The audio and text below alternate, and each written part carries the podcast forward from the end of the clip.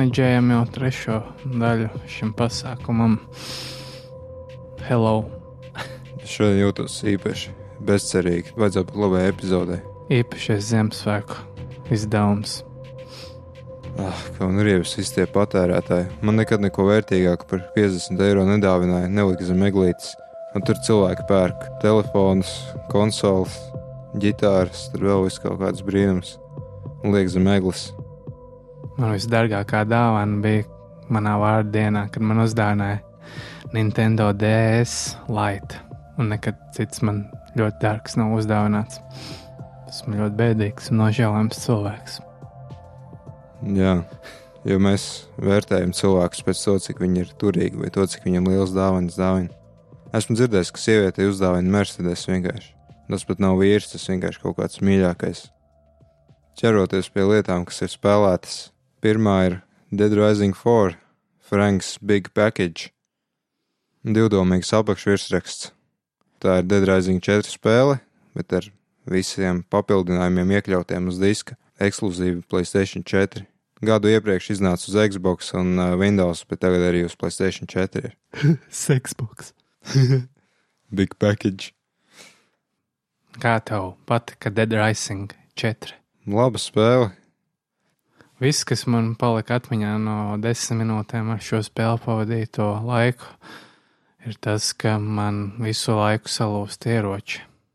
Jā, visu laiku plīst ieroči. Tas ir uh, apnicīgi. Vislielākais mīnus, manuprāt, Dead Rising spēlēm. Jā, man patīk tas sprākstošais kuvalts, kurš salūst pēc trim vēzieniem. Mm -hmm. Kad beidzot dabū labu ieroci vai uh, uztaisīt kaut ko saliekot divus kopā, tad uh, tas ātri vien salūst.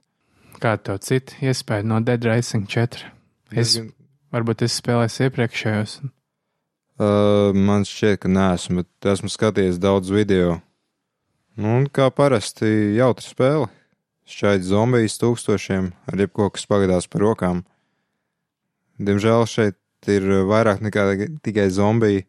Mēdz būt arī citi izdzīvotāji, un tad mutantu zombiji, kas ir grūti nogalināmi. Tas tā kā mazliet bojā prieku, kad uh, priecīgi šķaidi tūkstošiem zombiju. Nu, labi, vienā ainā varbūt simtiem viņi ir. Bet jā, daudzi sit, un tad pēkšņi kaut kāds parādās, kurš uh, uzbruk un uh, sabojā kombo uh, skaitītāju rezultātu. Jo viņš uzlec virsū, nepaspēja reaģēt uz komandu, izvairīties. Un 30 kadru sekundē vai Playstation 4 jau rāda savu vecumu?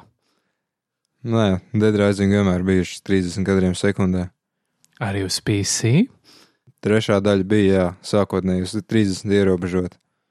Tā ir tā, kas iznāca Xbox One uh, sākumā. PC Monster Race! Bet, protams, hakeri moderi izdomāja, kā šo ierobežojumu noņemt ātri vien. Viss, ko es atceros no šīs spēles, ir mans ātri lustošais kuvalts un volvu fotografēšana ar fotoaparātu. Bet tu tiki tālāk, tur, kur sākas viss lielveikalā, vai tu tikai pirmo redzēji, kur viņš ar. Es tiku līdz tai vietai, kur ir tas pirmais veikals, lielais, un tālāk nē. Ā, laikam tā sapņu aina. Nē, nē, nē, tas ir pēc tam, pēc tās militārās bāzes uzreiz tas tajā veikalā, vai kā, kā to nosaukt, to vietu iestādi. Jā, tirdzniecības centrs. Bet nu, tas ir milzīgs tirdzniecības centrs, kur ir vis kaut kādi tematiski parki iekšā un ļoti daudz veikalu, kuros katrā var ieiet iekšā. Tas man patīk, Dead Rising, ka ir maza, salīdzinoši maza atvērtā pasaule, bet visur var, visās mājās ieiet iekšā, gandrīz vai visur var kaut ko labu atrast, kas drīz vien salūst, bet jā, var atrast visādas labas lietas. Vai Japāņu humors izpaužas arī šajā spēlē, vai ne tik ļoti tas ir vairāk tāds rietumu auditorijai mērķēts produkts?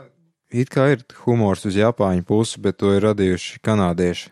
Mā, tomēr es jau domāju, ka tur tādi hamačiči un jamačiči un bējas Canadian boys. Habā! Tas ir Dead Rising. Lasiet apskatu. Jā, Jā, es, mēs pagaidām tikai iesildāmies, tā kā mēs neesam sevišķi plānojuši. Nē, es tikko no darba atnācu, kur man uzbruka HIV inficēta cilvēki, tāpēc esmu diezgan noguris. Es no rīta jau pamodos noguris vienkārši. Vajadzēja kādas divas stundas, lai atietu, tad es beidzot biju normālā kondīcijā. Un tagad to klievis noguris. Jā, Jep, Šis ir smags darbs runāt mikrofonā. jep. Tā, nākošais Destiny. Ļoti aktuāla spēle, ļoti svaiga spēle. Iznāca tikai pirms četriem gadiem. Tā ir trešā daļa GTA triloģijām, kuru izstrādājis George Millers, kurš vairāk pazīstams kā Mad Max režisors. E, jā, Tā bija patiesība, ko tikko teici, vai es. protams, protams. Nā, Un jā, mēs ar šo spēli pavadījām kādas 20, 30 stundas tā vietā, lai spēlētu Olkami, kas man bija uzticēts. Es smēlos daudz iespēju šajā spēlē, kuras līdz šim brīdim nebiju spēlējis. Vienveidības kalngals, bet te pašā laikā tehniski labi nostrādāta spēle. Man patīk šaut šajā spēlē. cik saprotu, tur ir obligāts pieslēgums internetam, lai spēlētu. Nu, cik tur rādu uz, kā praktiski visu laiku jābūt piekonektētam, bet nav obligāti jābūt Playstation Plus kontam, jo ir misijas, kaut arī tu visu laiku esi pieslēgts internetam, kurus var spēlēt tā kā vienspēlētāja režīmā. Tu redz, tur cilvēki skraida riņķī, bet tu tā kā nevari kopā ar viņiem pildīt tās misijas. Tas vienīgais mīnus, lai gan jebkuru misiju, jebkuru reidu, ja tev ir ļoti uzdrošītas rokas, tu vari iziet viens pats solo. Tas ir pretēji tam, ko esmu dzirdējis par otro daļu, kur ir tas raid mode vai kas, kur vienkārši nereāli, ja nav normāla komanda ar draugiem. Nu jā, es saņēmu arī otro destiny, bet tā kā es nolēmu iziet pa priekšu pirmo destiny, ja tas ir iespējams, tad es vēl neesmu tai pieskāries. Bet jā, destiny ir ļoti vienveidīga spēle, bet aptuveni 80% laika, ko es pavadu spēlēt šo spēli, esmu ļoti nikns, jo tur ir tik ļoti mākslīga grūtības pakāpe. Nu, tas pat nav Wolfensteina līmenī, tas ir kaut kas cits jau, jo cilvēks stāv, šauj, un tad viņam pēkšņi aiz muguras uzspaunojās 50 ātri monstriņi, kuri nosit cilvēku sekundžu laikā. Tas ir godīgi, tas ir godīgi Activision, tas ir godīgi. Uz ko tas ir tendēts? Kur tur ir mēķis? Kāpēc tā ir jādara? Kāpēc tā ir jādara? Laikam par maz DLC iegādājies vai lootbox atvērt. Man ir the collection, man ir viss, kas tur var būt, izņemot uh, silver dust vai arī kā to krāmu sauc, kas iepērk par naudu. Tas man bija tikai 200, jo tas bija standartā iekļauts komplektā. Jā, bet sanāk, tagad tev iepriekš bija kādu laiku PlayStation 4 pāris gadus, un tad tev bija tikai beta versija tam Destiny vai arī. Jā, es izmēģināju betu pirms vairākiem gadiem, tad, kad tā spēle nebija iznākusi oficiāli. Man arī tad patīk šī spēle. Man patīk, kā viss kustās, kā var metāt nazīšus, šaut. Tur bija labs feelings tajā spēlē. Bet līdz šim laikam man kaut kā nesanāca dabūt šo spēli, un tagad man sanāca, un Activisions man ļoti cienīgi ir apbalvojis ar emblēmu, kas apzīmē to, ka esmu beta testers. Fantastiski! Jā, es zinu, ka ar uh, Ubisoft spēlēm ir tā, ka, ja neesi mēģinājis beta testu, tad nevar atslēgt kaut kādus kostīmus, speciālus tēpus pēc tam, caur Uplay rewards. Jā, Uplay rewards. Mans senais ienaidnieks. Bet tas ir foršāk nekā vienkārši kaut kādi sasniegumi vai achievements, kas neko nedod. Jo par Uplay punktiem var atlaidi dabūt e, veiklā Ubisoft. Var uh, atslēgt arī, piemēram, soundtrack, bet parasti tie soundtrack ir smieklīgi. Tur kaut kādas divas skaņdarbi ir iekšā zip failā un viss. Vismaz e, kaut kāda motivācija krātos punktus. Mans Uplay accounts laikam ir anulēts. Es pēdējo reizi to izmantoju pirms pieciem gadiem, kad to vēl laikam nesauc par Uplay. Jā, bija kaut kāds citādāks nosaukums. Jā, tas ir Destiny. Ne, daudz spēlētāju vēl aizvien to spēli spēlē. Tā kā, ja nepatīk Destiny 2 un nepatīk mantrausība, kas izpaužās Activision šobaldien, tad var spēlēt Destiny. Vienmēr ir kāds, ar kuru saspēlēt. Bet man šķiet diezgan dāsni, ka viņi jau aizvien no servera aizstājusi īpaši cieti. tā kā. Es domāju, ka tā diena drīz pienāks. Kaut kāda runa bija par 18. gadu. Mm. Tipiski. Jā. Bet runājot par spēlēm, kam nevajag nekādas online pieslēgumus un tam līdzīgi. Resident Evil 7, Biohazard, Gold Edition. Ja vienkārši Resident Evil 7, kas iznāca šī gada sākumā, bet ar uh, visiem labumiem, maksas papildinājumiem iekļautiem komplektā. Uz diska vienīgi nav tas uh, Nota Hero papildinājums, kas ir atsevišķi lejupielāde, bet tas ir bezmaksas visiem. Arī tiem, kuriem parastā versija tikai. Bezmaksas lejupielāde. Jā, bet diezgan dāsni, pusotra stunda garš uh, papildinājums. O, cik dāsni no Capcom. Jā, viņi ir tik dāsni, ka viņi mums iedeva vesels divas Okami HD uh, promo, Hade. bet līdz tam vēl tiksim.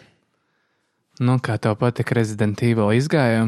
Jā, praktiski visus esmu izgājis arī tos papildinājumus. Jāsaka, ka beidzot Resident Evil ir baisa spēle.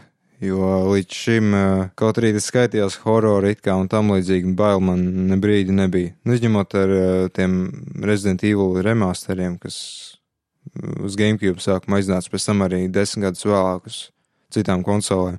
Tur vēl bija daudz mums baisas, bet, nu, Resident Evil pēdējos gados pārvērtās tīri par tādu kā šūteri. Bet arī šajā daļā ir pārāk daudz šaudīšanās. Apnika šaut ar to spēlējumu briesmoņus, kas slīd no sienām ārā. Ja iešauja vienreiz, divreiz, trīs reizes galvā, viņš tik un tā nekrīt.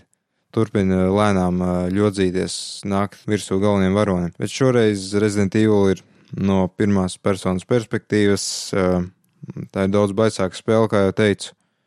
Man šķiet, ka sākums, pirmā stunda ir vienkārši neticami laba. Stāsts ir tāds, ka galvenais varonis Ethans saņem video no savas pazudušās sievas, kaut arī viņa tur saka, lai viņš nenāk, nedodas viņu glābt. Viņš tik un tā aizbrauc uz kaut kur uz Luizijānas nekurienes vidu un satiekas ar Bakeru ģimenīti, kas ir ļoti interesanta saime. Piemēram, Trojs Bakers, balss aktieris no dažādām populārām spēlēm, kā uh, Shadow of Mordor. Resident Evil 7, nu tur tiešām Trojas Bakers nebija, bet tur ir uh, Viņa brāļs, brāļis, Braļukas. Lietuvas, Viņi, jā, kas ir ar Bakera ģimeni. Bakeriem ā, prātā līdz smadzenēm aizgājis kaut kāds parazīts, kas viņus ir padarījis ā, ļoti trakus, ļoti slimus, bet tajā pašā laikā viņiem ir reģeneratīvas spējas. Piemēram, var nocirst galvu un ā, vai vienalga ko. Pēc tam tā atkal ataugs vietā. Un jā, un tad uh, Resident Evil 7 ir jau kaut kas līdzīgāks mm, standarta uh, mūsdienu horror spēlēm. Bet tas nav tāds, tā kā es arī paskatieties uz mani, es arī esmu horors. Man ir, man ir labīšanās, neuzvarami pretinieki, tumši gaiteņi. Jā, tas viss tur ir. Tomēr Resident Evil saglabā savu uh, identitāti, savus Resident Evil saknes. Piemēram, ir uh, ierobežots uh, inventārs, tā teikt, vai vieta, kur nolikt mantas, kas tad ir jāmenedžē ar uh, lādēm, kas ir izvietotas drošajās telpās. Kaut kas līdzīgs vecajām spēlēm. Jā, Tur arī ir tintas burciņas, priekšrakstām mašīnas. E, par laimi nav. Vismaz ne standarta un vieglākajā grūtības pakāpē, bet, kad spēlē uz augstāko, uz Nightmare, ja nemaldos, tad gan ir ierobežots skaits uh, saglabāšanās iespēju. Tad gan ir jālieto. Un kā šī spēle sasaucās ar iepriekšējām daļām, vai tas ir kaut kāds standalone vispār? Ne? Nu, neatkarīgi. Gan, kaut gan tur parādās Umbrella Corporation, vēlāk parādās Kris Redfields. Rebooted. Jā, ar pavisam citu balss aktieru. Viņš tāds nav vairs tas uzkačātais uh, gaļas gabals vīrietis, kas viņš bija iepriekš, bet tāds normālāks cilvēks. Bet vispār ļoti maz sakars ar pārējām Resident Evil daļām. Tas ir tāds kā pilnīgi rebūts gandrīz vai. Un tā kā salīdzinot ar iepriekšējo vērā ņemamo Resident Evil 4, kuru no abām tev visvairāk patīk? Nu, es pat nemāku teikt, jo Resident Evil 4 ir īpaša vieta manā sirdī. Bet uh, Playstation 2 memorija kārdā. Stikā. tur arī un uz GameCube memory card arī pavisam atšķirīgas spēles. Ir tā, ka Resident Evil 7 beidzot ir horror spēle, un pirmajā stundā jūs vispār ļoti maz izšausiet ieroci, jo pretinieki vienkārši, nu, no viņiem īsti nevar atkritīties, tas ir horrors.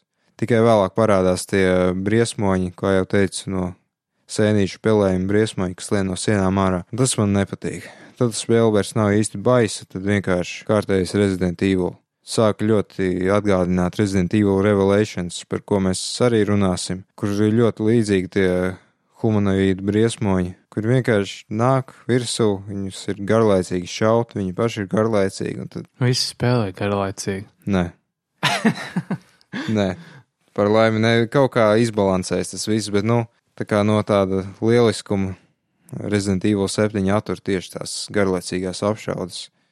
Nevarēja vienkārši tos šūteru elementus atlikt malā. Un tur nebūtu tik gara spēle, laikam. Jā, bet spēlēju 8,5 stundas. Vismaz man tā rādīja. Tā ka nav tik traki. 8,5 stundas jau ir kaut kas tāds, ko var eh, spēlēt. Atšķirībā no dažām labām spēlēm, kas prasa 40 stundas, līdz kam mēs tiksim.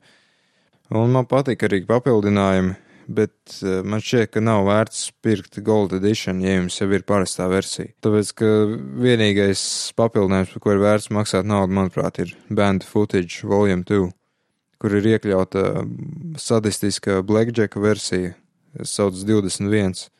Divi sānceņši, un tas, kuram ir tuvāks skaitlis, ir kārtīgi 21, tad tā kā netiek nogriezti pirksti vai nocirsti galva vai kaut kas tāds.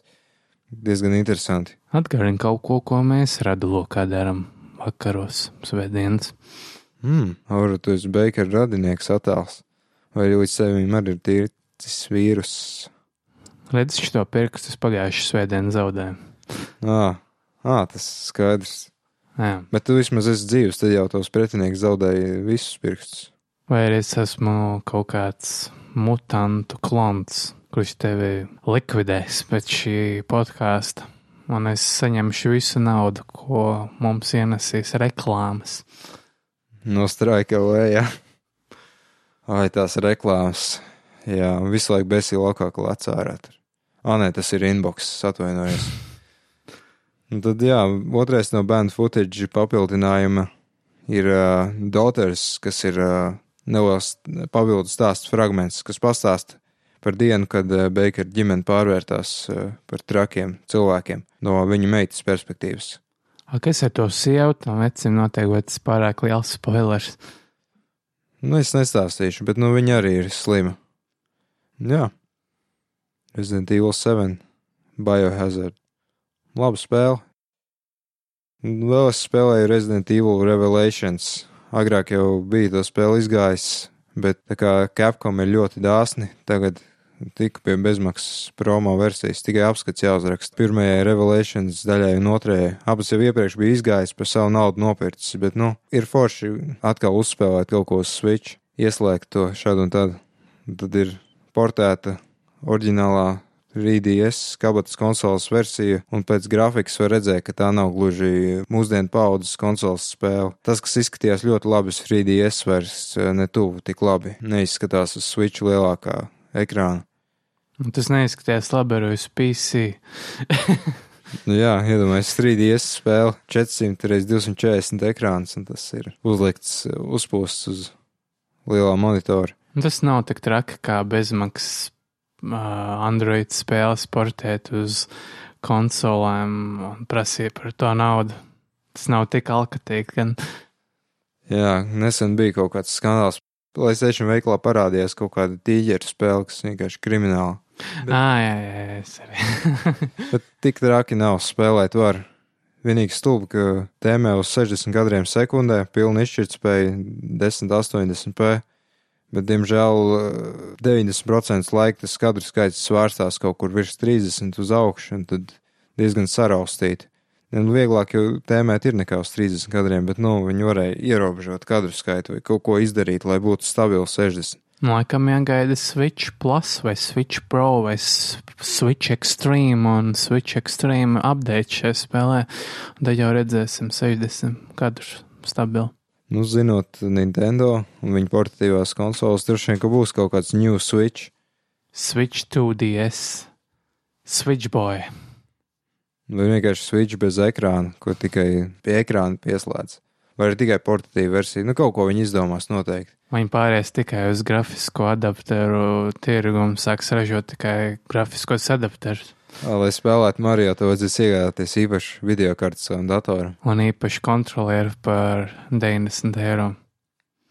Izklausās godīgi. Nu, ja jau Playstation kontrolieris var maksāt 70 eiro, kāpēc Switch kontrolieris nevar maksāt 90 eiro? Bet atgriežoties pie Resident Evil Revelations, pati spēle ir, nu, man patīk, ka, kad es pirmo reizi izgāju uz 3DS, bet nu, tagad spēlējot, it īpaši pēc Resident Evil 7, kas ir ļoti laba spēle salīdzinoši, tad, nu, tas Revelations atstāja tādu viduvēju iespēju.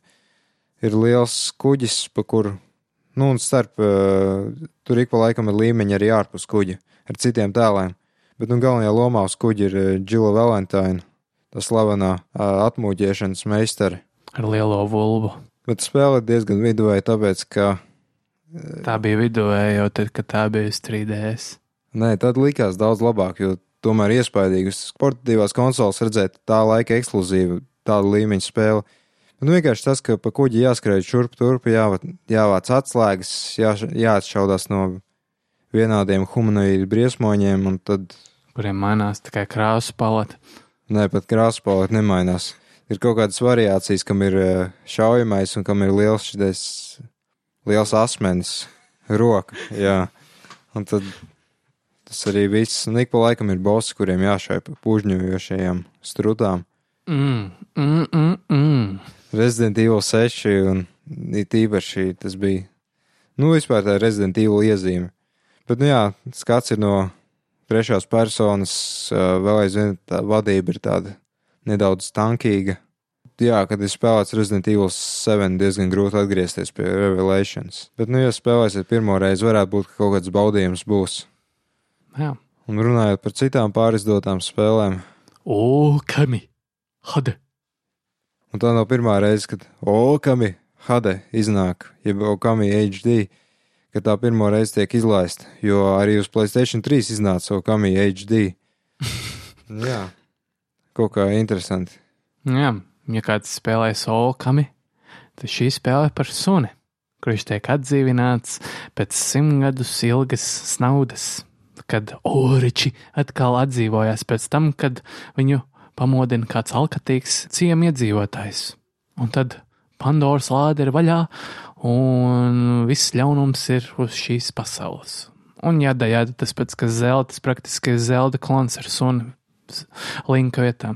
Kā tev patīk tie īpašie, tie otras vilcienu paņēmieni? Mm, tas ir kaut kas, kas atšķir šo spēli, un tajā laikā, kad spēle oriģināli iznāca, nepateikšu precīzi laiku, laikam, bet, nu, tas varēja būt pat diezgan novatorisks, bet šajā dienā spēle ir spēlējama, bet, ja jūs taisaties tikai taisīt tekstūru apskēlu, tad labāk necentieties, jo tā ir tā pati spēle, kas bija pirms 11 gadiem, kad iznāca pirmā daļa. Jā, Playstation 2. Nē, tā iznāca pirms uh, 11 gadiem. Salīdzinoši vēl Playstation 2, man liekas, tajā dzīv, mūžā. Jā. Tas praktiski tieši tā pati spēle, tieši tās pašas ierobežotās mehānikas. Tā kā teiksim, visstrakākais mantojums. Es nezinu, kā pateikt, nu, tās starp abām versijām cīņas laikā nav nekāda uzlabojuma manām ka es veicu sitienu un paiet kaut kāds laiks, kamēr sitiens tiek reģistrēts, un tikai vēl pēc kaut kāda laika mans nākošais sitiens var tikt reģistrēts. Tā kā es nevaru taisīt ātrus kombo, jo spēle vienkārši ierobežo mani, un tas jau parāda uz spēles kā vecumu ka viss ir piemīlīgi, viss ir jauki, ir forši joki, bet pat neskatoties uz šo spēli kontekstā ar nu, oriģinālo versiju, es varu teikt, ka nu, tas vienkārši cash grabs, sorry. nu jā, bet tiem, kas nekad nav spēlējuši jau kamī, kā, kā tev šķiet, vai varētu patikt? Jo daudz to sauc par labāko spēli, kas jebkad radīta. Nu, ja šis cilvēks nav spēlējis nevienu action adventure spēli, kas ir iznākusi līdz šim, teiksim, uh, Zelda, The Breath of the Wild or something, something. Darksiders. Jā, nu kaut vai to, tad jā, varbūt šī spēle būs jautra un vērts tādu pirkt, bet tā kā tur nav nekas tāds praktiski, kas nebūtu bijis spēlēs, kas ir iznākuši starp Olkami un Olkami HD. Tā kā izvērtējiet paši, ko jūs gribat. Jūs gribat nostalģiju, jūs esat pirmreizējais lietotājs, vai arī esat pirmreizējais lietotājs ar pieredzi action žanrā. Tā kā man liekas, ka tas otrais variants ir tas, kurš visvairāk izbaudījis bet tie abi pārējie, varbūt pirmais izbaudīs arī, jo viņš ir tā kā fans un spēlē šo spēli nostalģisku iemeslu dēļ, un tad ir tāds kā es, kurš šo spēli spēlēja oriģinālajā versijā, un tagad pēc 11 gadiem uh, remaster versijā, tāpat nav remaster, tas vienkārši ir tekstūra upscales un viss. Nu, es to spēlu, man ir grūti izbaudīt šo spēli, varbūt tāpēc, ka es esmu palicis pa visiem šiem gadiem ļoti cinisks un kritisks, un reāli krīt uz nerviem viss, izņemot Destiny viens, kurus spēlēju pat savā miegā. Nu jā, tad droši vien apskatu nerakstīs. Nē, es rakstīšu, es mēģināšu iziet šajās brīvdienās, šajā spēli, kam es, uh, man grūti pieķerties, jo ir daudz kas interesantāks, kaut vai dzīve. Jā. Kas nav īpaši interesanti. jā, tas jau ir rādītājs laikam. Nu, es negribu spēlēt, tāpēc, ka tai spēlē vajag 40 stundas, lai iziet pilnīgs vāks. Es nezinu, kurš var atrast tam laiku. Nu jā, jā, es arī šaubos, ka es pilnībā aiziešu spēli, kad es rakstīšu apskatu, bet es domāju, ka kā parasti es spēli mēģinu iziet vismaz 80% apmērā, lai rakstītu apskatu izņēmums ir dažas spēles, kas ir īsākas, piemēram, 100 stundas garā persona 5, bet, nu, jā, šajās brīvdienās braukšu uz Tallinu, tāpēc es laikam nepaspējuši jā, tomēr šajās brīvdienās to izdarīt. Runāju par Tallinu. Ir tā, ka mūsu draugi Igauni beidzot, es pat nezinu, vai beidzot, bet nu viņi ir dabūjuši distribūcijas tiesības Capcom produktiem Baltijas valstīs Tas nozīmē, ka viņi strādā ar Capcom pa taisno, un, un Capcom ir ļoti dāsni. Mēs dabūjām pat veselas divas promo versijas uh, Okami HD uz Playstation 4. Tas ir tā kā, es nezinu, Kotaku līmeņa uh, clashing uh, opinions tipa uh, nolūkiem, tā kā divi izspēlē un tad raksta diametrāli pretējs apskats šai spēlē. Ne, man vienkārši liekas, ka tā bija kļūda. Viņi atsūtīja fizisko versiju kaut kādu pusotru nedēļu pirms spēles iznākšanas.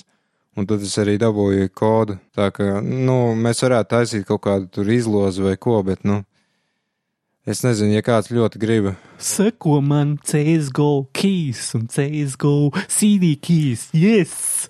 Rulete, kurš vinnēs! Nē, mēs varam piedāvāt tādu variantu, Es vispār gribēju piedāvāt lietotājiem Kornīviskis, tāpēc, ka viņš ir spēlējis Nier automātā, viņš ir spēlējis Gran Turismo sportu. Varētu uzrakstīt kaut ko vienu no tām spēlēm, tad es vienkārši uzdāvinātu to Okami HD kodu. Vai arī varbūt uh, Goodman grib apskatīt, es nezinu. Vai arī mēs to ziedosim bērnu patversmē, gaiziņā septiņi. Jā, kā jau teicu, diezgan depresīvs, bezcerīgs podkāsts. Paldies, ka klausījāties. Kas spēlēts sadaļu?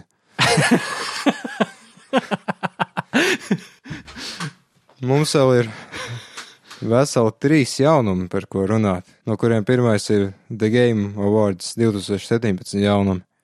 Kas ir The Game Awards 2017? Ā, es jau gribēju prasīt, tu laikam neskatījies. Ko?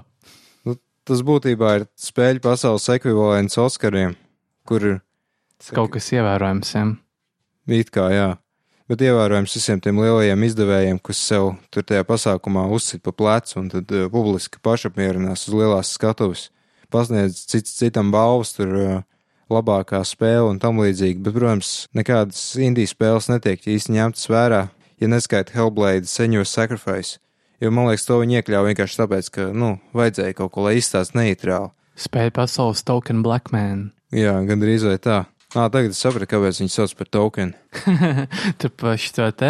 South Park. Nu, viņam ir token black. tagad ir skaidrs. Bet atgriežoties pie The Game Awards, tur ir vis kaut kādas reklāmas. Es, piemēram, nezināju par tādu pakalpojumu Uber Eats sadarbībā ar McDonald's. Ja jūs skatījāties dzīvajā un jūs dzīvojat Amerikā, jūs varētu dabūt 5 dolārus no savu pirmā pasūtījuma. Ko es izmantoju? Jā, lai piestūķētu seju ar burgeriem ritīgi. Nu, citus gadus tur bija ēkas reklāmas un tam līdzīgi. Nu jā, tas ir ļoti tāds korporatīvs, sponsorēts pasākums, The Game Awards. Un kurš uzvarēja gal galā? The Legend of Zelda Breath of the Wild.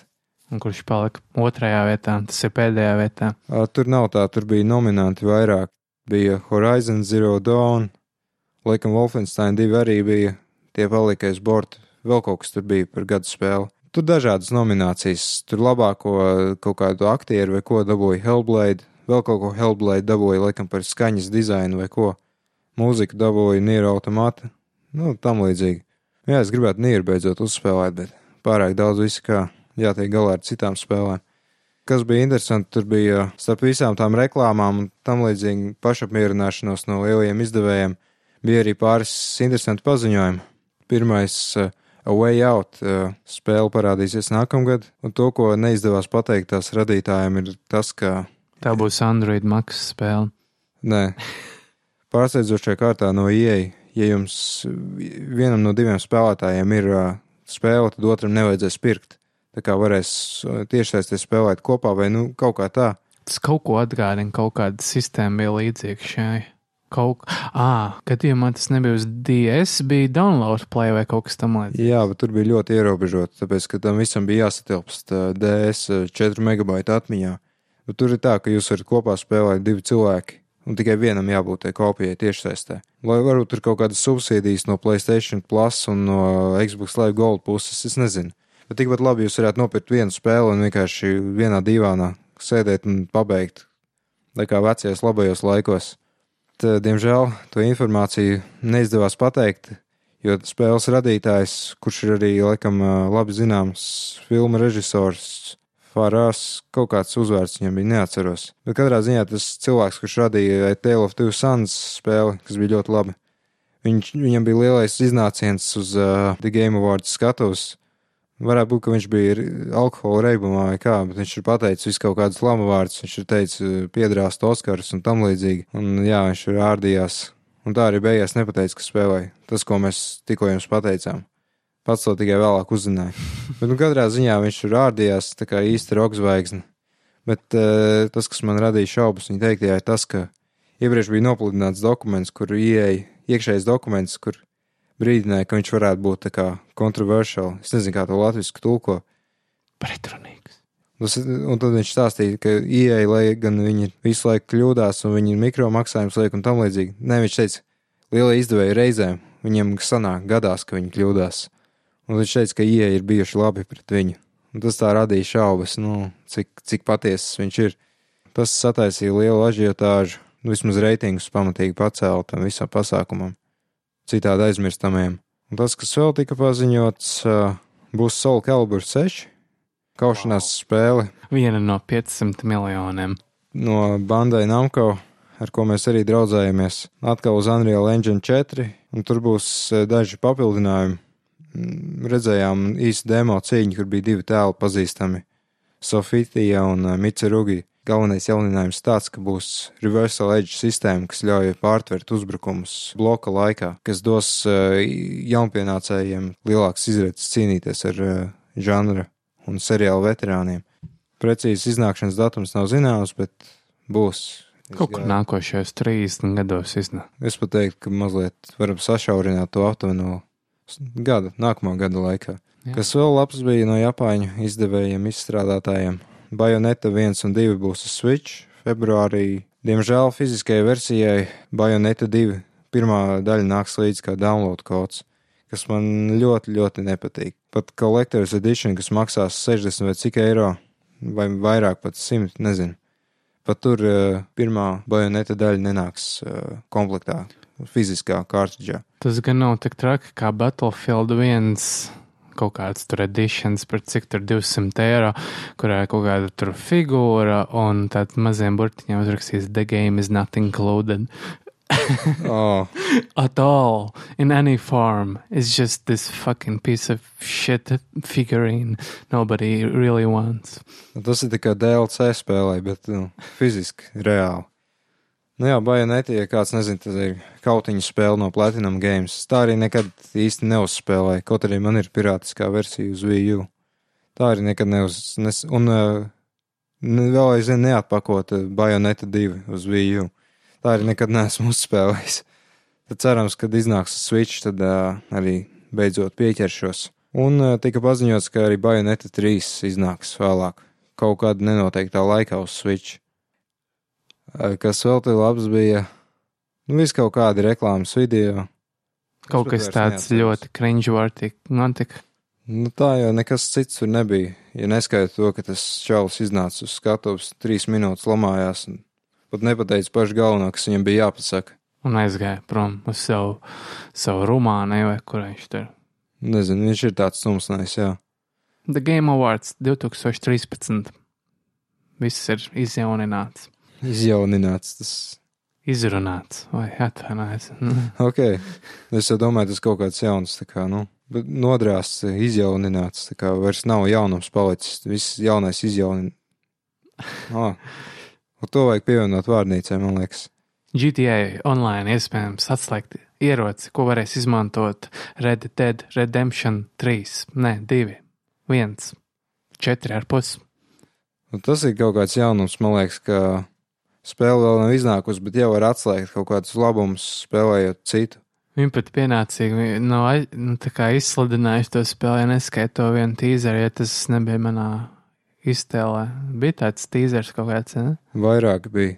Jā. Tur vien, vienā no tiem parādīja, ka zirga sēklinieki ir animēti, kaut kas tāds tur bija. Wow, tas tik nozīmē. Realisms ritīgs. RDR2 vispār uz kā iznāks. Uz Xbox One un PlayStation 4. Tā arī PC versija nav. Switch versija nav. Nu, Switch versija, ko tu. Nu, jā, tas diezgan bezcerīgi. Nu, nevilks. Jā, nu, tas ir kaut kāda jauna tendence laikam tagad. Jūs zināt, kā ir atslēgts tas ierocis, un tad eh, tas laikam ir ekskluzīvs kaut kāds, ko citādi nevarēs iegūt. Un tad cilvēkiem tā vien gribēsies nopirkt to spēli, tāpēc ka viņi, nu, viņiem ir grūti kā izmest vējā to ieroci. Tas ir konkrēti zināms, kas tas pierots. Jā, kaut kāds revolveris zelta tur. Ah, ah es kaut kādu redzēju, jā, bildi kaut kur bija kāda. Vai arī tas bija Destiny? Ne, GTA Online arī to ieroci atslēdz, bet tad vēl Red Dead Redemption 2. Un tas spēle. Nu, kāpēc pat- tieši online? Kāpēc ne story modā? Tāpēc, ka story mods kā pabeigts, tur viņi neko nepapildina un turpina pelnīt naudu ar to GTA online daļu. Bet tas īstenībā ir tik retarded, viņiem ir tik liels potenciāls slaukt naudu ar story modu. Tur viņi varētu, es nezinu, jaunas misijas pieņemt, jaunas tēlus, jaunas vietas, da jebko, bet viņi vienkārši pelna tupi naudu uz GTA online 11 gadniekiem. What gives? Jā, tā vēl aizvien viena no top spēlēm. Bieži vien top 10 pārdot tā mēneša, jebkur mēneša pārdotāko spēļu sarakstā ir Grand Theft Auto 5. Kaut arī iznāca jau pirms četriem gadiem. Un drīz to būs nopirkuši vairāk cilvēku, kā eksistē uz zemeslodes. Tā kā bija ar Switch, tā kā ka vairāk cilvēku bija zeldu nopirkuši nekā pašu konsoli. Es nezinu, kā tas strādāja, bet jā.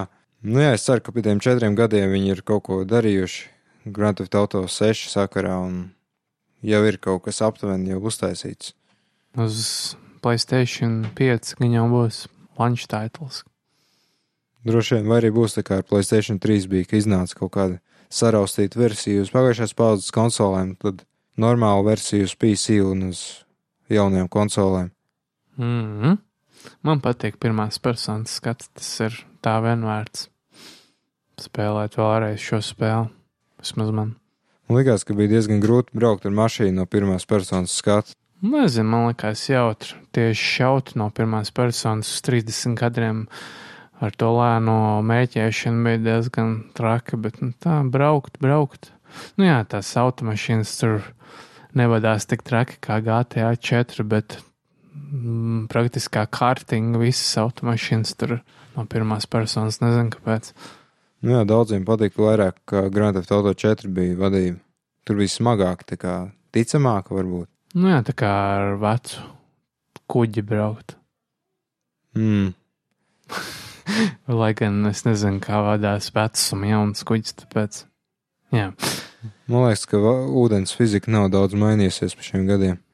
Jā, kopš, kā sauc to uh, Nintendo 64 spēli par uh, Veivrējs, Waverais, jā, laikam kopš tā laika nav, jā.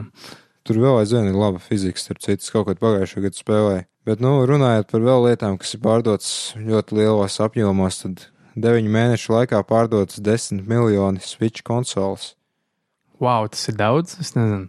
Jā, tāpēc, ka Wii U pārdeva savos piecos gados 13,56 miljonus. Un kā tu domā, ka Tas pat nav gada laikā, iedomājieties, Jā. mazāk nekā gada laikā. Un kā tu domā, kas ir pie vainas tik labiem s- sēlēm, Es nezinu, cilvēku stulbums. vai arī labas spēles, pārmaiņas pēc? Es teiktu, gan, gan. Jo, nu, ja tā prāta domā, nu, Switch varbūt nav pārāk prātīgs pirkums. Tikai Zeldas viena dēļ un Splatoon 2. Nu, nezinu. Nu kā vēl Mario Odyssey un nu, Ah, nu jā, Mario Odyssey un Mario plus Rabbits arī labi spēle, bet to tā mazāk. Un vēl, un vēl netik ekskluzīvas spēles, kas ir tā kā no Wii U vēl. Nu jā, tagad būs Bajoneta, bija Pokémon tournament. Nu, labi, tas es nezinu, kuram tas ir rūpa, bet Mario Kart 8. Kurš būtu to gaidījis? Likās tā, ka pirmajā mēnesī ļoti labi pārdos, tāpat kā Wii U pirmajā mēnesī ļoti labi pārdeva, izpārdeva visur. Bet beigās ļoti ātri nokrita tas viss atbalsts un uh, jaunu pircēju skaits. Pārsteidzoši labi, ņemot vērā, ka Switch maksā tikpat, cik uh, pat dārgāk nekā PlayStation 4 vai Xbox One. Vai tad? Es, jā. Nu, labi, ir lētāks par uh, Pro un lētāks, daudz lētāks par Xbox One X. Forši man prieks par Nintendo. Es ceru, ka turpināsies atbalsts. Īstenībā Bethesda ir viena no retajiem, viens no retajiem izdevējiem, kas ticēja, ka Switch izdosies, un līdz ar to mēs arī redzējām gan Skyrim, gan uh, Doom. Brīnumainā kārtā pie ilgiem laikiem Rockstar Games spēle, kas ir LA Noir. Nintendo laikam ir viena no pēdējiem, kas spēja ienest patiesu inovāciju spēļu tirgu. Bet man patīk, ka Switcham, ja neskaita to, ka var tur visu kaut ko ņemt ārā, tās malas un likt dokā, ka nav nekāda muļķība praktiski. Ļoti ir operētāja sistēma, nekādas tur kameras, mikrofoni, touchscreen vadība ļoti reti tiek izmantot. Jā, atšķirībā no vecajām konsolēm, teiksim, Wii vai DS, kam visu laiku bija kaut kāds touch kontrols, un tad tavs ekrāns pēc pusotra gada lietošanas ir tā kā uh, griežamais dēlīts. Man ļoti neiepriecināja touch kontrols. Ja Jep, tas ir Nintendo. runājot par dārgām konsolēm, es to nepierakstīju sarakstā, bet man liekas, varbūt mums par to vajadzētu parunāt. Xbox One X pret uh, PlayStation 4 Pro. Man šķiet, ka Sony pārsteidzās ar uh, Pro, jo, nu, iegūms ir ļoti mazs, cik es saprotu, ar to Pro. Bet ar Xbox One X un salīdzinājumā ar parasto Xbox One milzīgs lēciens. Nu, tur tie gigaflopi vai megaflopi vai kā tos flops, tur teraflopi, jā, pareizi, bija teraflotējām. Tur diezgan mazas starpības starp uh, X, mazāk starpības starp Pro un X, kā ir starp Pro un parasto Sony Playstation 4. Bet tik un tā ir milzīga starpība, tāpēc, ka daudz spēles var tiešām, tā kā Microsoft solīja, uz, uz īsti 4K spēlēt. Nu, ja tev interesē 4K. Jā, ja interesē. Bet arī tas ir pluss. Lielākais pluss tāds, ka mazāks uh, korpus daudz nekā Playstationiem. Ir tur tas vapor chamber uh, sistēma, kas dzēsē visu. Tad līdz ar to konsoli nav tā kā putekļu sūcējs. Es saprotu, ka tev pro ik pa laikam skaļi ritīgi ierūcās. Vismaz ar Wolfenstein vai ko. Jā, tā ir laikam vienīgā spēle, kur ļoti skaļi darbināja manu konsoli, jo nekas cits man laikam nav tik grafiski intensīvs, lai tā Ja man uh, Playstation 4 īstenībā tad uz pēdējām kājām ir, ir šādi tad pat neieslēdzās vairāk, tā kā ar otro piegājienu tikai izdodas. Ja es birtu Playstation 4 vietā, tad drīzāk ņemtu to slim, tāpēc, ka tas ir mazāks, klusāks, jo tas pro, es saprotu, man liela labuma nav, es uz 4 kā nespēlēšu. bet stabilāks skatu skaits. Es, es jūtu starpību starp pro un parasto Playstation spēlējot GTA 5, jo GTA 5 uz parastā Playstation mēdz tā kā nokrist uz 28, 27 ļoti intensīvos skatos, bet PS4 Pro ir tā kā akmens stingrs. Kadru skaits sekundē, mm, visu laiku jā. 30 kadru sekundē, lai gan arī mēdz nokrist, bet daudz retāk. Jā, man patīk, ir stingri 30 kadri sekundē. Jā, tā ir nākotne. Tas ir next gen. Tā starpība tik maza, man liekas, ir. Es varu arī pieciest tos kadrus nedaudz, ka Nu jā, ja tev nav 4K televizors un televizors ar HDR funkciju, tad vispār, manuprāt, nav jēgas no tādas ierīces. Es biju domājis, ka drīzāk, ja es pirktu vietā, tad vai, varbūt labāk Xbox paņemt, bet atkal es tik daudz esmu investējis tajā PlayStation ekosistēmā. Tad kā Xbox un plus tāds, ka var tās 360 spēles, ko esmu palaidis garām, daudz spēlēt, ir uh, vēl visu kaut kādu labumu. Daudz klusāks, uh, vēsāks, vienīgais dārgāks, jā, pāri 500 eiro maksā. Es pat tā nav nopirkt jaunu video karti. Jā, manuprāt, manuprāt, mēs dzīvojam tādā pasaulē, ka man liekas neloģiski vispār konsoļu eksistence.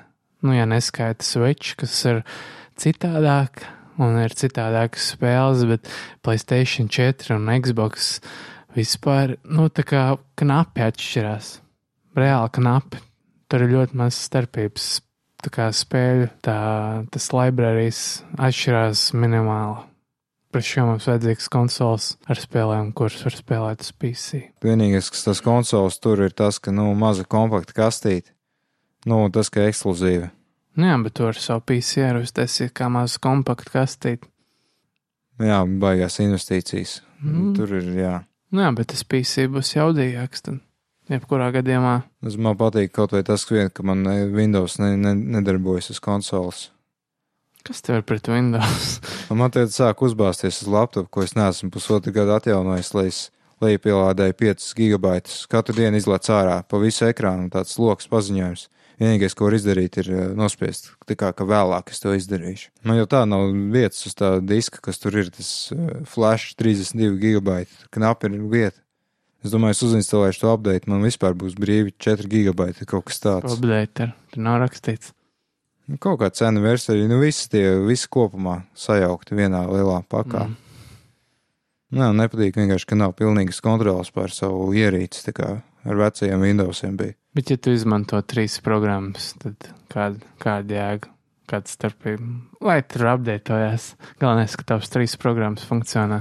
Nu, es saku, man nebūs vietas, piemēram, es tos video spēļu nevaru reizē ierakstīt vairāk par 20 minūtēm, jo man, ja man tur 4 gigabaiti paliks brīvi, var rakstīt uz ārējās atmiņas, bet, nu, cik man pieredze rāda ar skaņas ierakstīšanas programmām, daudz kanālu, uz ārējā flaša tur kaut kādi gļuki visādi parādās, kas nav ierakstu uz iekšējās atmiņas. Jā, tas bija mūsu rambles par kaut ko, par konsolēm, par Windows Man liekas, ka Microsoft ir beidzot izsities priekšā, tā kā uh, Sony.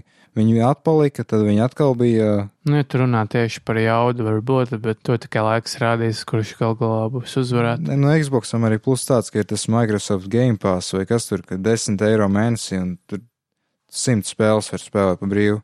Bet atkal, kuram ir laiks tam visam? Es nezinu. Jā, Varbūt beigās tāpat tikai vienu vai divas no tām spēlēsiet. Uz Xbox vēl ir tas EA access vai kā tur to sauc. Un tas būtu forši, tad es nebūtu, piemēram, Need for Speed payback nopircis, vienkārši paspēlēt tās desmit stundas, saprast, ka mēsls. Nē, kaut kā Jā. tā.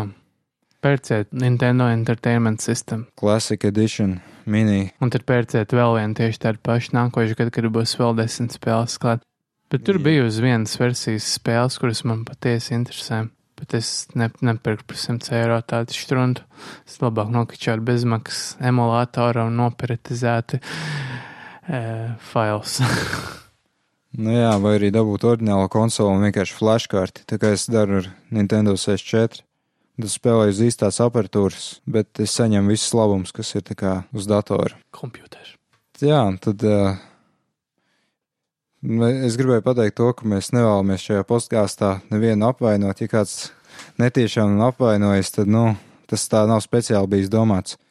Bet arī tad uh, es negribam vairāk tādas situācijas, uh, tipa, piedod mīļā, es tā negribēju, ka mums kādam ir jāatvainojas. Jo mūsu nostāja ir tāda attiecībā uz apvainošanās.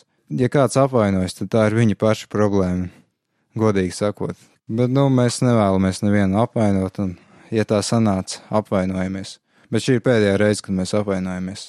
Apvainojamies vai atvainojamies? Atvainojamies par to, ka kāds apvainojās. Jā, apvainojamies, ka kāds apvainojās, un atvainojamies par to, ka mēs apvainojamies, un, jo viņš apvainojās. Un tad mēs atvainojamies par to, ka mēs atvainojamies, jo patiesībā mums liekas, ka tikai mīksti apvainojas. Nu jā, bet mēs negribam būt liberāli, liberāli mēs negribam galīgi būt PC, un mēs neesam politkorekti, kas ir visas trīs lietas praktiski viens un tas pats. Mēs arī negribam, lai mums kaut kādas tur uh, izredzētās valsts vēstnieces tur atsūta vēstuli, ka viņai nepatīk tas, ko mēs teicām, ka mums ir jāizbeidz, jālikvidē šī operācija, ko sauc par streika LV. Tāpēc mums diezgan pajāt. Negluži pajāt par to, ko par mums saka, bet pajāt, ka mēs neesam ļoti korekti pret dažiem cilvēkiem. Tad nu mēs nonākam līdz lasītāju jautājumiem, kur šoreiz ir pieklājīgā skaitā. Mums būs par ko runāt. Tikai jā, tie jautājumi tādi arī diezgan sarežģīti. Piemēram, lietotājs Reka jautā spēle, kas vislabāk palikusi atmiņā un kur ieteiktu katram, un vispār ne šogad. Labākā indijas spēle ar jautājumu zīmēm beigās. Tie ir divi jautājumi. Jā, tā sanāk. Es atvainojos. Tā kā pirmais jautājums ir par spēli, ne tikai tādu, kas ir palikusi visvairāk atmiņa, atmiņā, bet tāda spēle, kas ir palikusi visvairāk atmiņā un kuru vienlaicīgi tu ieteiktu katram. Nu, tad īstenībā baigi maz tādu spēļu. Es jau gribēju teikt The Getaway Black Monday uz Playstation 2. Tur, kur bija Ļīvais Stratovs, Latvijas. Jā. Arī pašu Latvijas vārdu un uzvārdu. Bet tā ir Latvija. Is it rude to interrupt where you come from? To kādreiz mums vajadzētu ierakstīt un uh, komentēt, bet nezinu. Nākotnē. Nezinu, vai es gribu vēl tos video taisīt, jo galīgi, galīgi nav vēlams ielikt kaut kādas 5 stundas. Un beigās noskatās 20 skatītāji. Bet es nopirku Humble Bundle Vegas Pro. à, nu, es jau ietestēju īstenībā. Tad atvainojamies, Reka, mēs tev jautājumu izjaucām, bet Reka arī iegādājās to Vegas Pro. Tā ka viņam arī būs interesanti. Bet es uh, ierakstīju Resident Evil 7 kaut kādas trīs dažādas fragmentus. Es importēju tajā programmā iekšā, un pēdējo video analizējot ar to audio skaļumu zīmējot, vienkārši pakārās tā programma. Un es nopirku, tāpēc, ka es cerēju, ka man vairs nekādas kāršanās nebūs. Es nezinu, kā tieši šī programma atšķirās, teiksim, no Macintoshā iebūvētajām video apstādes programmām. Nē, es esmu lietojis iMovie, pilnīgs Un Nu, tas tā kā Windows Movie Maker, bet kam tev? Nu, jā, tas ir Windows Movie. Tur tā problēma. Man vajag advancēt. Es gribu kontrolēt, kāds man ir bitreits izējošais, kāds ir kodeks, ir vēl kaut kas. To es nevaru izdarīt ar to iMovie. Es pat nevaru normālu framerate nomainīt. Es uztaisīju kaut kādu titulu kārdu, kā, ko likt video. Bet tur ir slow mo un. Un man uztaisīja 25 kadriem sekundē. Kurš interneta laikmetā vēl turas pie 25 kadriem sekundē? Bet tas ir filmu kadru skaits. Nē, tas ir palā. Tas filmām ir 23,97 kaut Nu, kas pat tāds. labāk, tas pat labāk. Nu jā, iMovie nav nopietni, bet to ir viegli saprast, viegli apgūt. Bet tas Vegas Pro arī līdzīgs iMovie, tāpēc tas tas eh, nelineārais laikam. Jā, man patīk. Man patīk, es pro, ka var kontrolēt praktiski visu, ko tur dara.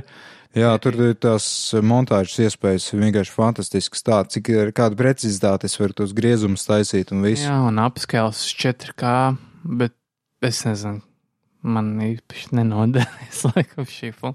Nu, man liekas, tāpat beidzās tas piedāvājums, bet nu pat 20 dolāriem vajag labi. Nu Jā, tur vēl nāca līdzi visādi, visādi, visādi magics, mu, mu, mu, music makeri, kuri izmantoja, es atceros, ka es tādu izmantoju pirms precīzi deviņiem gadiem, eh, kad tā bija ļoti primitīva programma. Vēl aizvien tā ir ļoti primitīva programma, bet ja kāds izmanto šo programmu, tur diezgan daudz visādi piedāvājumu, teiksim, astoņi laikam, tie sound template, kuros ir katrā visādi simts lūpi, visādas tur stēbi un sinti un uh, bass un viss kaut kas baigi forši. Nu, es tādām lietām lietoju Presonus Studio One Professional, kas ir 400 eiro programma. Es izmantoju Fruity Loops, jeb FL studio. Jeb Fruķi Loops, kā Latvijā to daudz pazīst. Fruity Loops, tā ir programma, ko izmanto visi.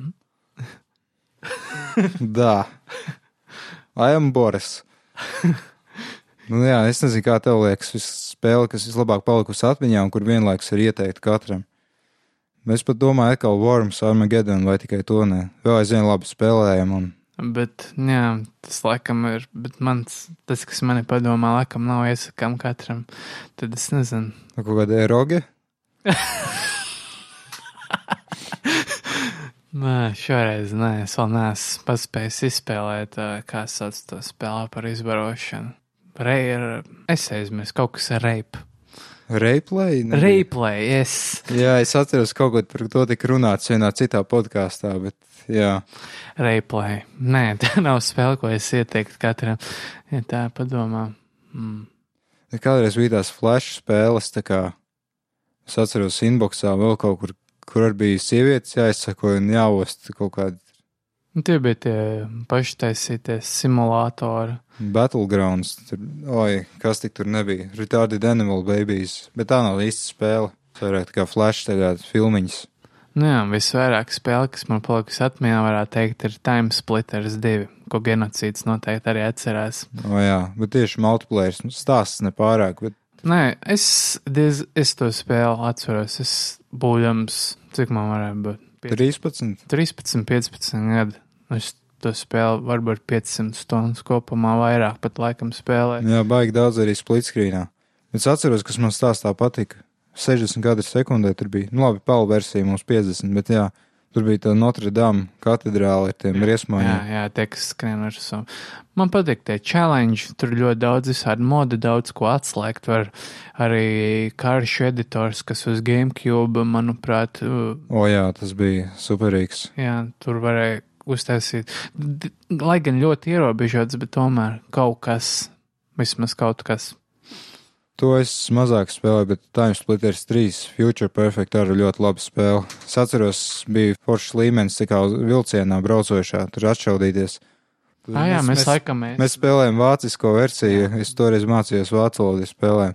Tur bija kaut kāda tur totē gāja garām, tur kaut kāda sieviete iekšā totē. O, tas ir kā dzemdēt, kaut kas tāds. jā, tādi, tādi mazi momenti paliek atmiņā. Jā, un tad, kur būs tava spēle? Man liekas, ka Worms Armageddon. Worms. Tad Worms Armageddon un man ir Time Splitters 2. Labākā indijas spēle. Ah, es pat nezinu.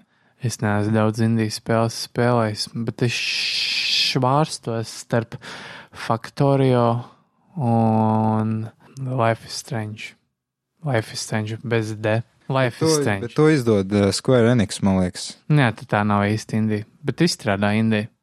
It kā jā, tur tas don't know vai Nu, kā. labi, tad tas, tad tas ir kontroversiāli, tāpēc es izvēlēšos citu. Tad vai nu Factorio, vai arī The Darkest Dungeon. Hmm. Man, es pat nezinu, man patīk uh, The Stanley Parable. Tas tāds visvairāk palicis atmiņā no indijas spēlēm. Bet, nu, patiesībā tāda, ka baigi daudz indiju nespēlēja. Nu, vēl tās bitrips spēles bija foršas ar uh, komandu video, bet grūtas, grūtas. Pirms tās kļuva par neindijas spēlēm. Man liekas, ka Bitrip pārpirka vai nepārpirka, vai viņi salautojās, man liekas. Varētu būt, jā. Lietotais surītis prasa, jūsuprāt, Medal of Honor atzīmes vai tomēr kļūs par atmiņām? Labprāt dzirdētu jūsu domas par Mad Max, Mad Max spēli. Es nezinu, kā austrāļi. Mad Nemāku. Mad Max. Nē, tas ir Max. Raus! Nē, tas nebija laikam osīšu. Jā, tas bija citādāks. Medal of Honor, nē. Es nezinu, tagad īstenībā, kad tās otrā pasaules kara spēles atkal ir modē, kas man jau sēna apnika, un man vēl aizvien tā besīla, gan cik var tos nacistus lieciet viņus mierā beidzot nolāpīts. Šaise. Medal of Honor ir produkts jau pārpagātā pirmo, pirmās personas šūta ar tirju, un ja viņi neizdomās neko fantastisku, ar ko atšķirt šo spēli un sēriju no citām, tad, manuprāt, labāk ir aizmirst, jo IE jau ir viena šūteru līnija, pat trīs vai pat vairāk, es nezinu. Battlefield, tagad Battlefront. Jā, un vēl Medal of Honor. Ja, ja, ja es pareizi atceros, Medal of Honor Beidzās ir, Izstrādā. kaut, beidzās ir kaut kāda, kas bija, nu, mūsdienā, Arābu valstīs kaut kur. Medal of Honor Mod- Modern Warfare, jā, laikam arī izstrādāja tie paši daisi. Tā kā, kāpēc vispār eksistē trīs vienādas spēles, ja neskaidrs Star Wars? nu, tas ir tā kā ar tiem lielajiem izdevējiem. Viņi redz, ka kaut kas baigi labi iet, ir tas PUBG. Līdz domā, ah, vēl Fortnite jāizlaiž, un tad vēl viss kaut kādi tur kloni. Mm, Jā. Es domāju, ka Medal of Honor kādā brīdī parādīsies, bet ne, ne tāda, kādu mēs to pazinām. Jā, tas visdrīzākais būs kaut kāds tēla matching spēle vai kaut kas Pokemoniem līdzi. Nu, kaut kas jau, ko var ātri naudas Android un iPhone'iem nopelnīt. Bet cik atceros tās ieejas spēles, kas ir uz uh, Android, diezgan labas, salīdzinot ar to pārējo drazu, kas tur ir. Tā Bet, kā, nu, teiksim, tapped out, tas ir tā Simpsons spēle. Ah, nē, nē, nē, tas nē. Es, es spēlēju Dead Space arī uz uh, Android, kas nebija pārāk tālu no tā Jā. parastā Dead Space. Man arī laikam bija. Un, runāju par Mad Max. Nē, esmu spēlējis, bet es dzirdēju, ka baigi garlaicīgi, ka visu laiku jādara viens un tas pats kārtēji atvērtās pasaules spēle. Nu, es tikai nemēģināšu. filmu. Es redzēju tikai filmu. Tā, Es arī redzēju. tā laikam nesasaucās ar pašu spēli. Bet mums bija dažādi viedokļi par to filmu. Man nepārāk patika. Man ļoti patika. Tā ir labākā pēdējā gada filma, kas saistīta tieši ar action, mm. ar action spēli, ne action filmu. Bet tad nākamais ir Goodman šoreiz arī diezgan uh, daudz raksta. Kaut kur mums tur ir jāatrod tajā visā jautājumā. Tā tad filozofiska atkāpe par to, kur mūs ved video spēļu biznesa globālās izklaides industrijas sastāvā kopumā. Tāda vienkārši kādā virzienā tas iet. Man liekas, ka spēles iet tā kā Uz virzienā. Jā, jeb kā, kā to tagad daudzi izdevēji sauc, spēles kā pakalpojums, jeb uh, games as a service. Tāpat kā visi Netflix, Spotify. Uh, mēs jau iepriekš runājām, ka spēļu disks jums nepieder spēle, tā ir vienkārši licence spēlēt. Bet tagad ir tā, ka arvien mazāk un mazāk kontrols ir gala patērētājiem. Kad viss ir aiz kaut kādiem internetu savienojumiem, kaut kādos centralizētos serveros, Nu, pamazām iet uz to, ka spēles ir palietojams un izmetams. Jūs spēlējat, kamēr vien uh, multiplayer serveri ir aktīvi, un tad jūs spēlējat kaut ko citu pēc tam. Jā, tā ir tā rietumu globalizācija, laikam. Kā ir kaut kāds mazie izstrādātāji, kas ir ar visādām, visādām foršām spēlēm, kaut ko jaunu neredzētu, kaut kāds trakas mehānikas, trakas grafikas, viss kaut kas, un tad ir lielie giganti, kas no gada no gada pilnīgi un galīgi neatšķirās no iepriekšējā gada. Un tas ir tā bēdīgi, ka mums ir kloni. Klonu, mm. kloni un klonu, klonu, kloni, un visu laiku viens un tas pats. Jā, bet tā arī nav jauna klonovā spēle izlaist. Sen. Klono? Labi, nav svarīgi. Kā attīstīsies spēles vēra nākotnē, mikro maksājumu žanri, PC versus konsoles un tam līdzīgi.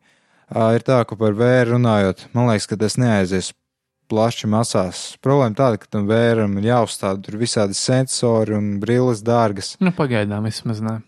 Nu, ir tā, ka tā globalizācija, uz ko tā visu plāns iet, eh, ka mēs dzīvosim ar vien mazākos, mazākos dzīvoklīšos, augstākās celtnēs, un tur vienkārši nebūs vietas, kur uzstādīt to vēru. Varbūt vēra būs, bet tas kaut kā tā kā uz mobilējiem, kaut kādā kanibalizētā izpausmē. Es domāju, ka genocīds nav redzējis, bet, manuprāt, VR nav vērā ņemams, līdz tas nav uh, Sword Art Online līmenī. Kā tu izvelc to kasku un tu esi kā pavisam citā pasaulē, kur tur aptaustīt un kā izjust kā fiziskus triecienus uz sevis. Nu, tā Tas kā, vairāk, tas jau tagad ir medicīnā lietots, lai, kad cilvēks operē, tad viņam kaut kā novirzītu. nu, tā kā, jā, vairāk tā kā neiroloģiski, tā, tos smadzenēs tas notiek. Būs tā kā matricā, iedur vienkārši kakla aizmugurē. Nu jā, kaut kā tam līdzīgi, jo, manuprāt, tas, kas ir tagad VR, tas ir diezgan nožēlojami. Tas nav kaut kas jauns, tas jau ir mēģināts ar Virtual Boy, un praktiski mēs esam tikuši tikai ar to vizuālo reprezentāciju tālāk, bet ne ar to, kas tas vispār ir. Tas ir tikpat primitīvi, cik tas bija pirms 20 Nu, gadiem. Tā kā spēles tagad pašas par sevi. Daudz nav mehāniski, nekas daudz nav mainījies no Playstation 2, eh, no 3 laikiem. Nu jā, varbūt mazliet tas responsiveness ir palielinājies, tā kā var ātrāk sist, ātrāk šaut, ātri, nu, sadurt visādos veidos, sašķelt, tā kā uh, bija Revengeance, Metal Gear Solid. Jā. tur varēja sagriezt miljonus daļiņās, ja tev pietiekoši jaudīga video karta vai processors. Mm -hmm. Tagad tas ir tas, kas ir mainījies, bet ne tas, cik ļoti foršas tās spēles paši par sevi. Nu jā, par mikro maksājumiem mēs jau daudz esam runājuši. Es nezinu, ko par žanriem teikt. Nu, es domāju, ka nekas daudz nemainīsies. Nu jā, zombiju, first person shooter un tagad arī Battle Royale. Nu, būs tā, ka tie, tas, kas agrāk, tie, kas agrāk bija normāli žanri, es domāju, tos kā indija izstrādātāji nodrošinās. Nē, tā kā tas.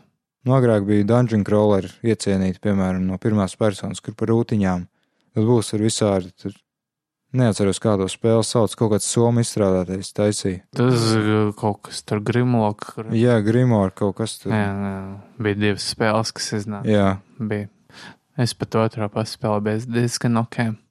Es atceros, es uz darba datoru mēģināju pirmo spēlēt, tāpēc, ka bija bez DRM. Toreiz, kad Humble bundle vēl bija labs, es vienkārši uz flash palaidu to spēli. Jā, nu, mocījās ļoti tas dators, ka tur trīs monitori pieslēgti, tu vēl mēģini laist kaut kādu 3D akcelerētu spēli. Jā. Kā attīstīsies video spēle? Ah, PC versus konsoles. Es būtu teicis tā, ka konsoles drīz vairāk nebūs, ka Sony, Microsoft vienkārši uz PC koncentrēsies bet iznāca Switch, un tas mainīja vispār, viss e, pārsteidza nenormāli, un tad es domāju, ka konsoles vēl paliks. Nu jā, es arī uzskatu, ja ir tāds izstrādātais kā Nintendo, tad ir vērts, bet ja nav, tad why bother? Vienkārši ražojiet video kartes, monitors un citus krāmus un barojiet mums tos. Uh, jā, nu par tiem gadgetiem, dzelžiem, nu es nezinu, viss tā kā tur tas mūra likums vai kas, ka tā starpība ar vien mazāk ar katru gadu nebūs vairs. Eh, man liekas, tagad spēles izstāsta labāk nekā dzīve. Nu, tā arī ir. Dzīve mums tur attiecīgi pelēk un tā. Bet nu jau izskatās labāk nekā dzīvē, kur nu vēl tālāk. Nu, kamēr mēs neizdomāsim kvantu datorus un mazākus tos e, Newton metrus uz mūsu mikročipiem, tad laikam nekas īpaši neuzlabosies, ja mēs neizdomāsim jaunus veidus, kā mm. iedarboties uz spēlēm. Bet, nu, Xbox One X jau atbalsta pilnā 4K izšķirtspējā triple, triple A spēles, tā ka, nu, ko nu vēl vairāk. Bet par to video kartēm, nu, nav viedokļi. Jā. Es domāju, ka tam vajadzētu būt lētāk, bet īpaši Nvidia produktiem, mm. kur ir vienkārši ribadžu pēc ribadžu uz ribadžu bāzes kaut kāda labuma, tur ir lielāks rēms, ir piemēram 1060 modelim. Bet, nu jā, un tad vai mākslīgā intelekta attīstība ietekmēs spēles un radīs jaunu kvalitāti spēļu veidošanā? Pilnīgi noteikti ietekmēs mākslīgais intelekts, jo tagad tur ir tik attīstīts pasaulē visi Google un alfabēti, kas viņiem tur apakš uzņēmumi. Jā, tur mēs pamodīsimies vai nu matricā vai no terminātora pasaulē, un tad viss, kas atliks, būs vienkārši ielaist savu lotu pierē. to nespēs izdarīt. Jā, jo, jo visi ieroči būs aizliegti. Jā. jā. Mr. Smits, tā kā.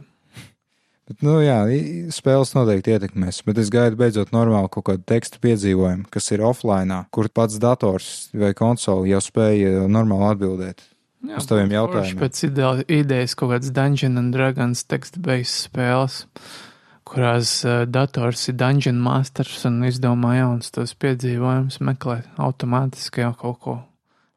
Bet spēļu kvalitāte, man liekas, ies uz leju, jo ja vairāk paļausimies uz mākslīgo intelektu, tad kā, mākslīgais intelekts būs tas ģenerators kaut kāds uz dūlo, kas izvietos kaut kādas ēkas, vēl kaut ko. Karti piepildīs ar kaut kādiem priekšmetiem, un tad tur būs viss kaut kāda brīnuma, kas pēc tam ar roku jāizlabo.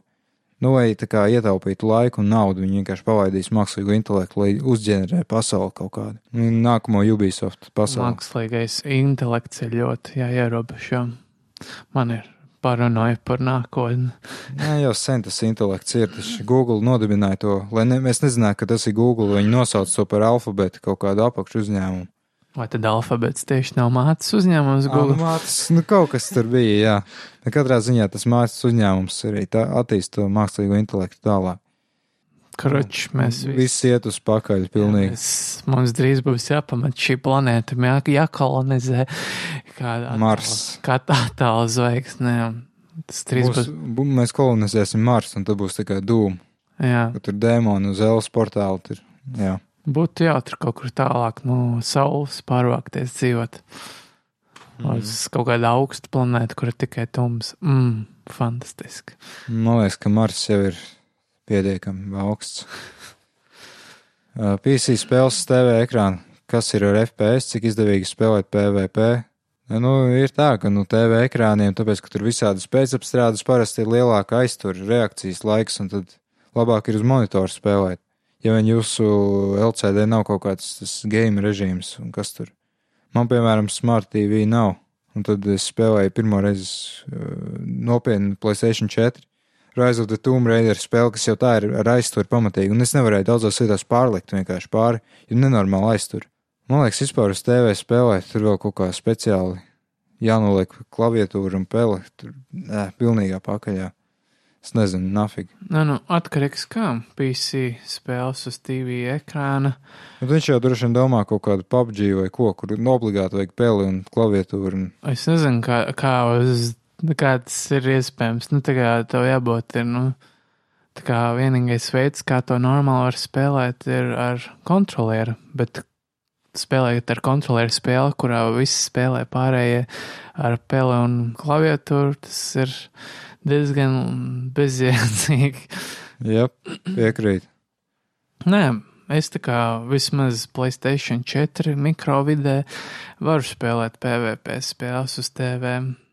Bet tas ir tā kā, tāpēc, ka visi pārējie tieši tāpat spēlē. Bet, nu, mm -hmm. PC kaut kā, ja vienīgais tas nav EVE online, kur PVP ir viens gājiens tūkstošiem stundu, tad, manuprāt, labāk pieturēties pie PC, vismaz PVP. Ne PC, bet mo, nu, datoru monitoriem, tā kā tieši mm -hmm. PVP ziņā. Ā, un tur bija par FPS jautājums. Tas neietekmē, ja jūs norādat vienīgo izēju kā to HDMI vai ko tas neietekmēs. Atkal tas ir kaut kādiem dat planšetu datoriem, kam, kad tā kā palaists ar HDMI, tad rītīgi nokrīt kadru skaits, jo tiek vienlaikus dublēts kaut kā, un bitu pārraides apjoms tur samazinās, tad sāk bremzēt uz datoru, tas neko nemaina. Jā, PC spēles TV ekrānu. To vaicāja Spriditis, lietotais Spriditis. Lai neviens neapvainotos, tad es eh, pateicu, kurš to jautāja. Kaut kā tā. Jā. Šoreiz no lietotāju aktivitāšu zelta Tas ir mūsu jaunā rubrika, ko mēs ieviesām mūsu podkāstu otrajā epizodē. Jā, tas, tāpēc, tas tāpēc, ka jautājumu nebija, tad mēs paši izdomājām. Bet tur nekā interesanta nav. Viss kaut kāda, nu tāda Ziemassvētka, nekāda jaunuma īsti nav. Jā, viss ir saticīgi un draudzīgi un mīlīgi. Un dot bez maksas vis kaut kādas spēles, tur, piemēram, Layers of Fear. Izgāja to spēli un likās pilnīgs atkritums. Bet es sapratu arī, ka ļoti daudz iespēju par to spēli. Citiem patīk, citiem nepatīk tas horors. Liekas diezgan uh, klišejiski viss un, jā, garlaicīgi. Un tad Suicide Christ komentē bezmaksas Kingdom Classic. Kas tas ir? Nav ne jāsaka. Let's click this. Hmm. Hmm. 2D side-scrolling stratēģija, izdzīvošanas spēle. Ā, neinteresē. man personīgi likās interesanti. Bet, nu jā, tas ir man atgādina to. Man patīk, ka arī Linux versija ir. Tas ir. Jā. Tā arī Linux, nekur tas gamings nav aizgājis. Nu, arī nekad neaizies. Man tāds aizdoms, ka jā. Tā, tālāk ir Eminem River. Es neklausījos. Es nezinu, varam uzlikt. Featuring Ed Sheeran. Elected. Nu, lai nevienu aizvainotu, mēs laikam nekomentēsim šo ierakstu. Bet man liekas, tam kikisam vajag beigt spamot visu laiku tos video. Tur ir speciāla forma sadaļa, kā, kas jums šobrīd skan, jūs varat likt savu mūziku tur. Aktivitātēs varbūt vajadzētu vai nu kaut ko oriģinālu, ko esat radījuši, vai arī kaut ko ar spēlēm saistīt. Man tā liekas, bet nu, tas ir mans viedoklis. Yes. Paš, pašdziedējošs polimērs stikls. Interesanti. Jā, tikai, diemžēl, video ir aizvākts no YouTube vai kaut kas tāds.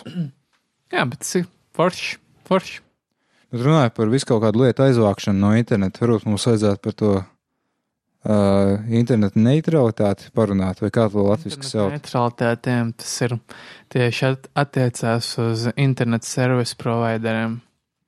Kaut ko, ka palēnina, tā kā ne, nedod tik daudz to. Nu, jā, vai konkrēti palēnina kādu servisu vai pātrinu vai atslēdz vispār. Nu, tas ir tā ļoti raksturīgi dažām valstīm. Uh, Tātad, piemēram, ja vienu dienu izdomās, ka Strike LV skaitās fake news, tad ļoti lēni tā lapa lādēsies. Es tā sapratu.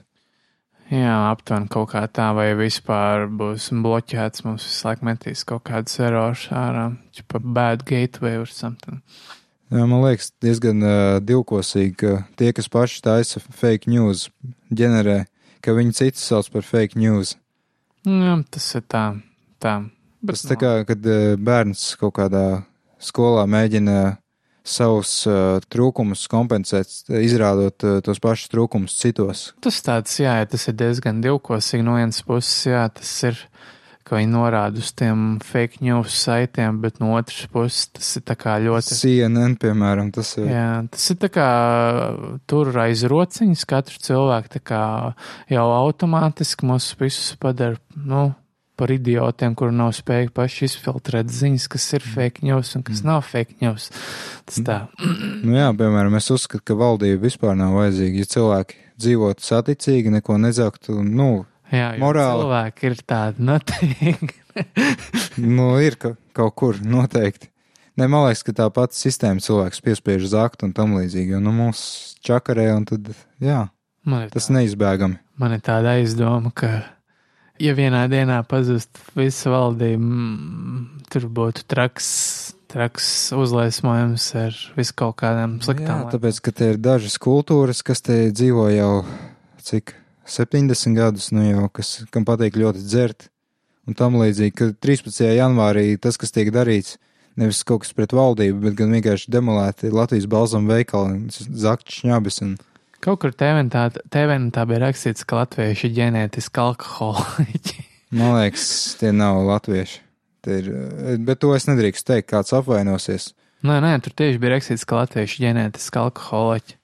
Kaut kāds tur narkotikas, kas tur bija izteicies, vai arī tas bija pār, pārfrāzējams. Nu, es esmu, es laikam, ir tāds krievu rakstnieks, uh, disidents Solženicins. Viņam ir bijis šis tas, ko teikt par vienu uh, tautību, ko es gribēju teikt? es nezinu, nu katrā ziņā cenzūra sūkā. Jā, bet interneta neutralitātes ir viena daļa, ir tā tieši tā cenzūra, otra daļa tas ir tā kā, tā kā uzvairīšanās uz cilvēku rēķinu, kuru izmanto bieži vien Facebook, WhatsApp vai kaut ko tam līdzīgu. Teiksim, vislielākā bažas tagad Amerikā ir par to, ka izzūdot internetu neutralitātei, uh, internetu servisu provideri, tad kā Verizon un uh, kā, kādi. Comcast. Comcast varēs, teiksim, uh, pārdot Facebook pakas.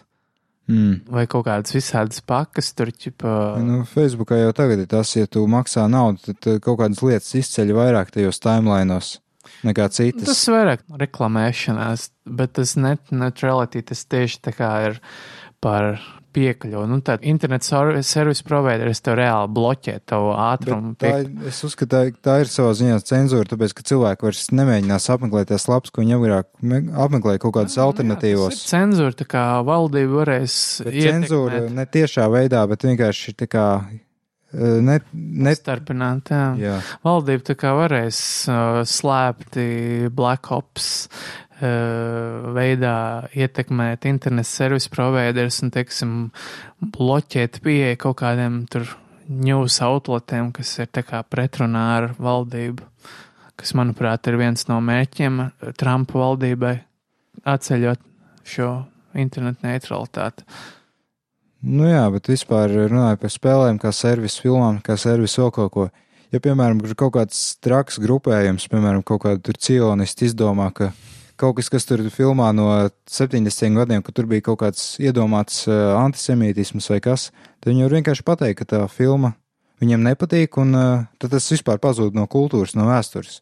Nu, Tāpēc, ka jums nav fizisks tas disks vai filma vai kas, tad to vienkārši var izdzēst. Tas tā kā Orvela tajā grāmatā 1984, ka vēsturi vienkārši pārakstīja. Nu jā, tas varbūt nav tik labs piemērs, bet tagad jau ir ar to uh, Kevinu Spacey, pēc tam, kad visu uzzināja, ka viņš ir gejs un uh, pedofils un uzmācās zēniem, uh, ļoti daudz nu, materiāla, kas bija Netflixā ar viņu piedalīšanos, ir tā kā nobīdīt uz pašu leju, tā lai nelaktu mm. tik, tā kā man visu laiku lec acīs House of Cards, uh, kas ir viens no vislielākajiem šoviem Netflixā. Tagad House of Cards mistiski vairs nav viens no lielākajiem šoviem. Mm. Tas tā, kā, nu, tā ir ļoti manām. Arī ar šo te Louis C.K. tieši tas pats kad visi uzzināja, ka viņš masturbēja tur divu sieviešu klātbūtnē, kas ir, ak, dievs, tāds, tā, tāds seksuāls harassments. Šausmas. Uh, viņa tas stand-up komēdija šovs 2017 arī nav, lai gan šis šovs no visiem stand-up komēdiju šoviem, kas ir motherfucking Netflixā, vislabākais objektīvi vērtējot, jo pārējie nav pat uz pusi tik smieklīgi, pat Amy Schumeras uh, Leather Editions ir pilnīgs mēsls salīdzinot ar Louis C.K. 2017, kas ir masterpiece. Fucking masterpiece. Mm. Nu jā, es tieši par gejiem arī gribēju runāt, ka tā kā viņi kļūst ar vien neciešamāki, viņi sāk spiest eh, maziem bērniem virsū savu propagandu tur skolā. Ārzemēs tur ir jāizvēlas cilvēkam starp cik sešiem dzimumiem. Un tas ir PC, tā ir PC kultūra. Nu, iedomājies, tad viņi redz kaut kādā klasiskā filmā, ka tur ir ģimene normāli, heteroseksuāli, tur ir tēvs un māte. Tad viņi izdomā, ka tas nav pareizi, ka tā nevar būt. Un tad vispār to filmu izdzēš no vēstures. Nu, kaut kā tā. Jā, tas ir 3,14 jets. Jūs zināt, kas ir 3,14, tad jūs varat izdomāt, kā tā zilba ir. Lai gan tādas vecas uh, filmas, kuras mūsdienās varētu nosaukt kā misoģēnisks vai kā pareizi latviski misoģīnija var vispār iztolkot. Tas tā kā Šovinists, Šovinisms, nu, šovinistisks, jā, piemēram, Casablanca vai kaut kas tam līdzīgs, kas ir tāds tieši tāds vīriešu vīrišķības etalona atspoguļojums. Un Vēl aizvien diezgan populārs, lai gan mēs visi vīrieši esam cūkas izvarotāji. jā, tas pēc visu feministu viedokļu. tā kā. Jā. Un tā ir PC kultūra. Sautparks mūs, Trejs Parkers mūs uh, jau sen bija brīdināja, ka everything's going to shit. Īstenībā es pat gribētu, tā kā mums laiks vēl ir, ka mēs varam parunāt vēl. Tā kā daudz cilvēku ar ā, kaut kādu, nezinu, kaut kādu dievbijību vai ko es nezinu, atcerās podkāstu. Es paklausījos podkāstu pēdējo epizodu, kas tur bija priekšpēdējā. Praktiski viss sastāvēja no runāšanas par filmām. Un tad mēs to laiku vārdā mēs varētu par filmām arī parunāt, kas ir redzētas. Bet nu ne tā kā kaut kādā, nezinu, kā to sauc, ar augstu paceltu degunu, tā kā kaut kāda kultūras eksperta mākslas, bet nu vienkārši. Tad eh, viena no tām, ko es redzēju, bija laikam jaunākā Džeimsa Bonda filma Spectre saucas. Man liekas, ka jā, tā ir visjaunākā. Un ko es varu teikt? Nu, kārtējais action, grāvējs, asas sižeti, ļoti iespaidīgi efekti, viss kā tur sabrūk ēka un tam līdzīgi. Bet nu, tas viss ir tik sēkli, es nezinu, un tas glorificē kaut kā nogalināšanu un to spiegu profesiju. Jo reāli spiegu profesija ir, es nezinu, tu tur iefiltrējies kaut kādā tur citā svešā organizācijā. Katru dienu tev var pieķert. Tas, nu, nav glamūrisks darbs nekāds. Nu, tas vienkārši. Tas arī nav pilsētu spridzināšana un mm, ātras pakaļdziešanās 90% no viņa darba laika. Viņi sēž vienkārši kabinetā un analizē un, Un raksts atskaites. Un, jā, un tā kā iet uz musulmaņu satikšanām un pierakst visu, ko viņi tur runā savā starpā. tas ir praktiski tas, ar ko nodarbojās. Mm, spiegi. nu, spiegi tas tāds jau diezgan koldu varu līmenī. bet- Jā, špioni. Vairāk vienkārši kā drošība iestāžu darbinieki, tas būtu tāds Mhm. atbilstošāks definīcijas. Nu, kā piemēram, jūs būtu spiegs, jums būs jāklausās šitais garlaicīgais podkāsts un jāmēģina tur atrast tur kaut kāds, nezinu, Jā, komunisms rolam, jā, jā, sarkaniem. antinacionālas kaut kādas atziņas vai es nezinu. Kas tur Sarkanā bija? armija labāk Interesanti, ka cilvēks, kuru par eh, dzimti. Bonds nogalina cilvēku, pēc tam viņš aizbrauc pie tā cilvēka atraitnes Itālijā, noliek viņu slīpi, viņas pašas mājās neaicināts. Labi, izglāba viņai dzīvību, tur nošai kaut kādus trīs, kaut kādus tur, kas at- atbrauc viņu nogalināt. Un tad viņi tur baigā kaisli mīl, un viņš aizbrauc projām, viņu aizmirst. Nu, pilnīgs, es nezinu, James Bonds man pat īsti neizklaidēja. Jā, Kaut arī tikai pusotra stunda vai cik tā filma. Vislabāk būtu kaut kādas piecas stundas ar Resident Evil 7. Es, man liktos, ka es mazāk laika izšķiedis. Jā, tas pats trakākais, ja akciju filmu tev nespēja vairs izklādēt, tad priekš kam tāda filma ir. Jā. Tur bija skaisti skati, protams, vizuāli efekti. Nu, tas, nu, skaistas Bonda meitenes, bet tas pats par sevi. Ko es vēl redzēju, man ieteica tādu filmu In Time 2011. gadu. Tur vienmēr kārtā galvenajā lomā Justins Timberlakes. Man tā man likās pēc Holivudas standartiem diezgan nožēlojami, diezgan švaki efektu ziņā, bet tur bija interesanti tas, ko tu teici, ka tu reiz pārkāpjas brīdini par kaut kādu PC tur. Uh, tajā filmā ir tas, ka cilvēki nodzīvo 25 gadus, un tad pēc tam viņiem aktivizējas tāds kā ie, rokā kreisajā iebūvēts pulkstenis, kas skaita viņiem dienas. Un tad, lai tu dabūtu to laiku, katram cilvēkam normāli ir iedot viena diena. Tad viņam ir jāstrādā, kaut kas jādara, lai viņš to laiku nopelnītu. Tā kā laiks ir kā valūta. Arī visi iepirkumi, viss notiek ar laiku, maksāšanu par biļetēm. Un tur ir tas, ka cilvēki, tas tāds kā, kā distopija, cilvēki geto, viņi saņem mazāk laika nekā tie aristokrāti, kas kontrolē to sistēmu. Viņiem tur ir eh, gadsimtiem vienkārši laika, ko dzīvot. Viņi ir nemirstīgi bez mazai. Bet atkal tie, kas geto, viņi tur velk pēdējās stundas, dienas, tam līdzīgi. Ir tā, ka Holivudas filmās bieži vien parāda to, ko tur tie, kas tie slimie pedofili un vēl izvarotāji, kas viņi tur tik nav Holivudā. Un, nu, vispār pie varas, ko viņi tā kā plāno cilvēcei Viņi to sauc par kondicionēšanu. Tad kā parāda kaut kādu ideju, lai cilvēki kā vieglāk pielāgotos tam, viņi jau būtu gatavi vairāk. Nu, jo ir tā doma, ka tā cilvēki ir pārāk daudz, kaut kā ierobežot viņu dzimstību, ierobežot viņu vispār eksistenci.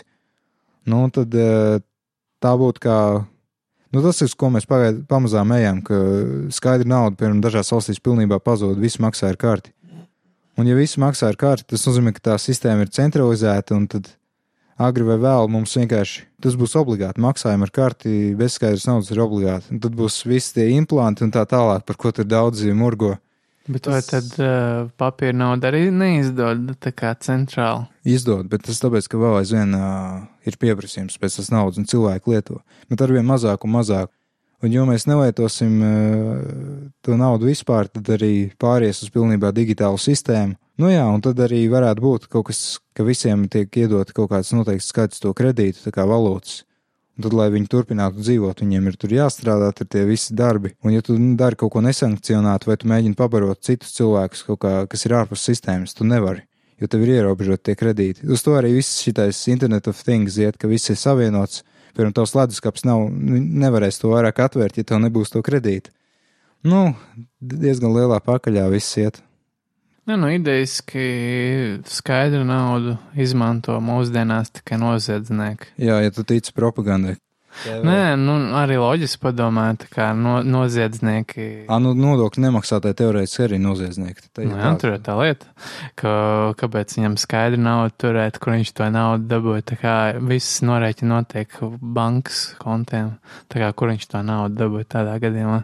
Īstenībā, jā, ja visu pirkumu ir digitāli, tad. Tev arī... pat alga maksā uz kontu. Tā kā jebkurā normālā darbā no... uh, nauda tiek pārskaitīta uz kontu.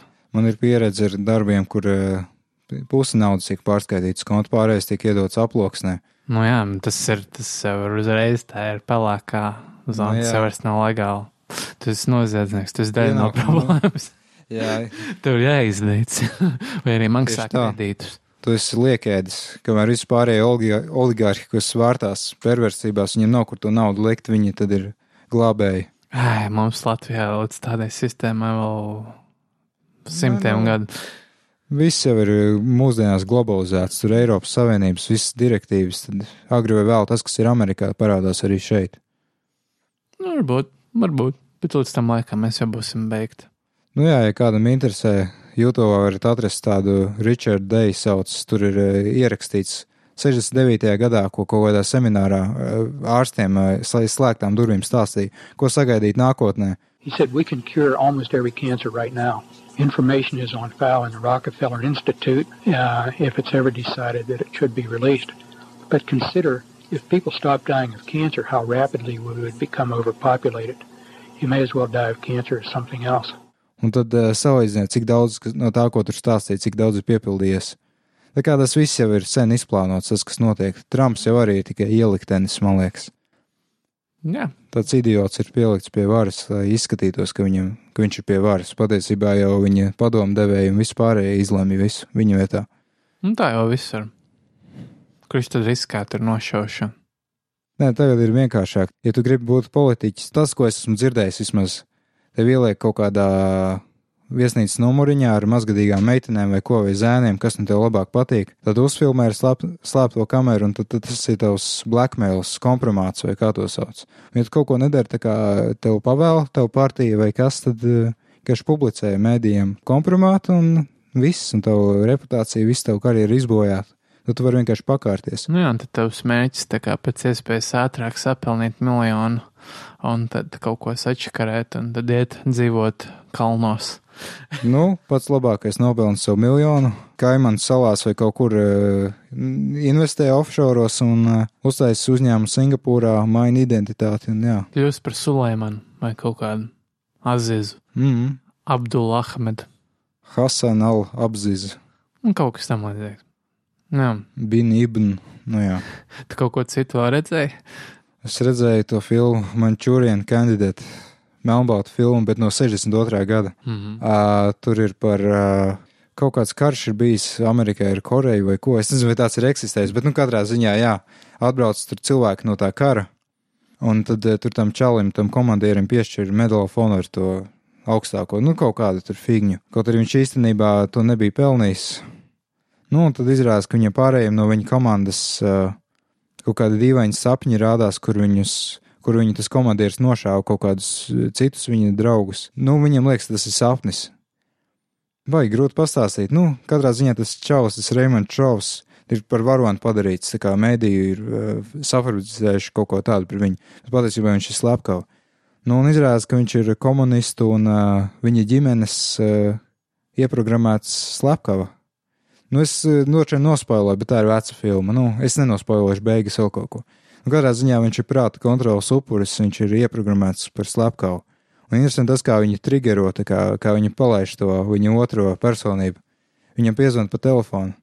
Pasaka, kāpēc gan nepavadīt laiku uzspēlējot solitēru? Es nezinu, kā to latviešu sauc. Kāršu likšana. Nu, kāršu likšana, jā, un tad viņš vienā brīdī izvelk sarkano karalieni. Pasiens, pasiens, laikam tā sauc. Pasiens.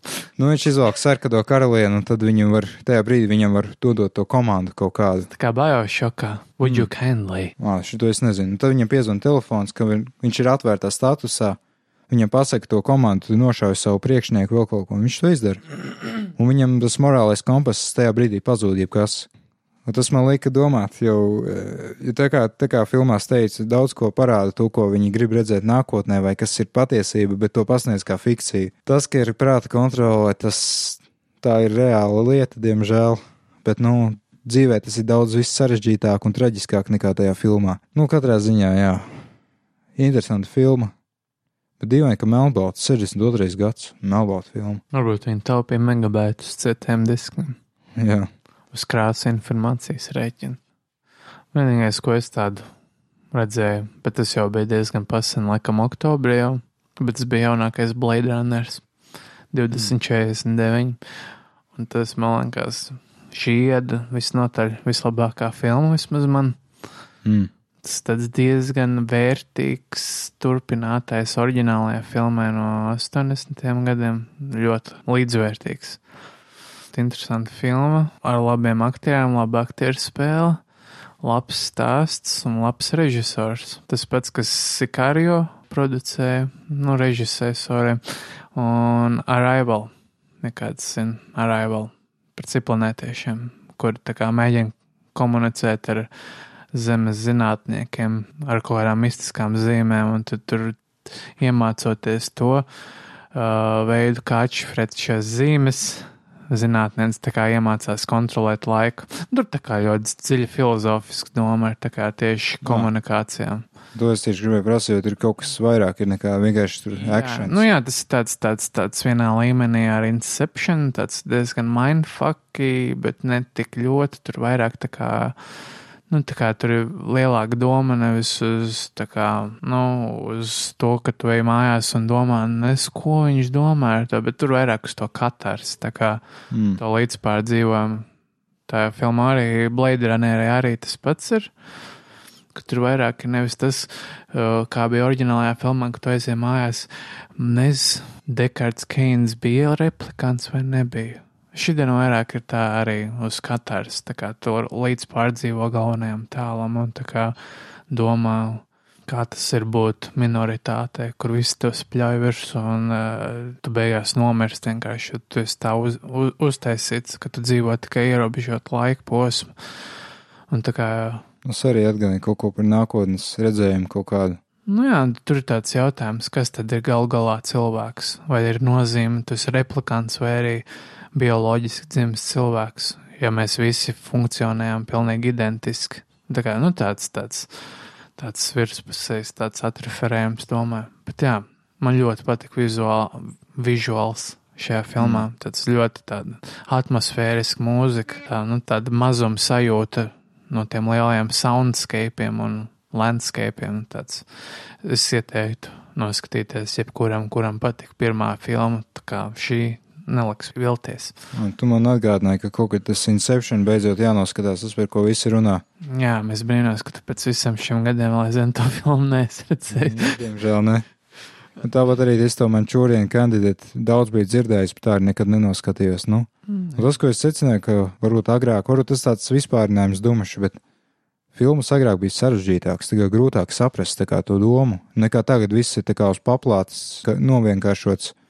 Tā kā, piemēram, skaties tur to Clockwork Orange no Kubrika vai vēl kaut ko, vai The Shining, un tad, uh, tad tu domā, par ko tas īsti ir. Jā, Kubriks, manuprāt, ir diezgan tāds čakarīgs režisors ar mm. savām filmām. Tīpaši man ļoti atstāja domīga filma Shining, mm -hmm. kuras līdz galam tā arī nesapratu reāli, par ko tā filma reāli bija par psihopātisku cilvēku, kurš kļūst patiesi psihopātisks, ka viņu izolē no sabiedrības sfērī.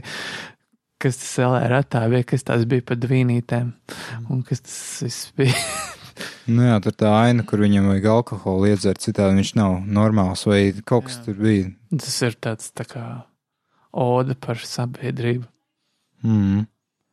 Kur viņš ir tā, ka napi sapratu īsti, tur kaut kas bija par kaut ko, bet uh, es labi sapratu šito aizvaidu šādu, tāpēc, ka tā ir arī analīzes uzrakstītas internetā, vēl viss kaut kas.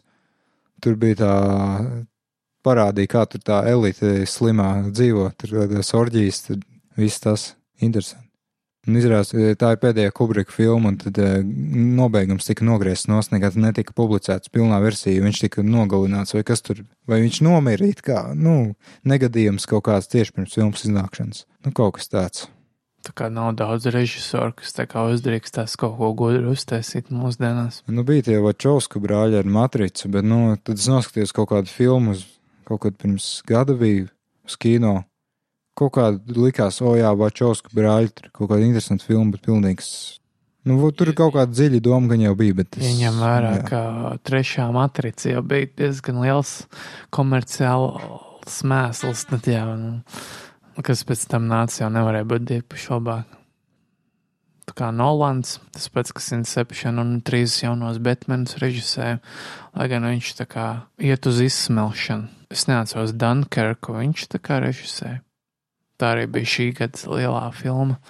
Nē, es baigi nesakoju līdzi. Jā, es arī vairs nesakoju pēc kaut kādām filmām, kas ir ļoti augstu vērtētas, un es noskatos, un šīs filmas īstenībā ir vienkārši hype train produkti.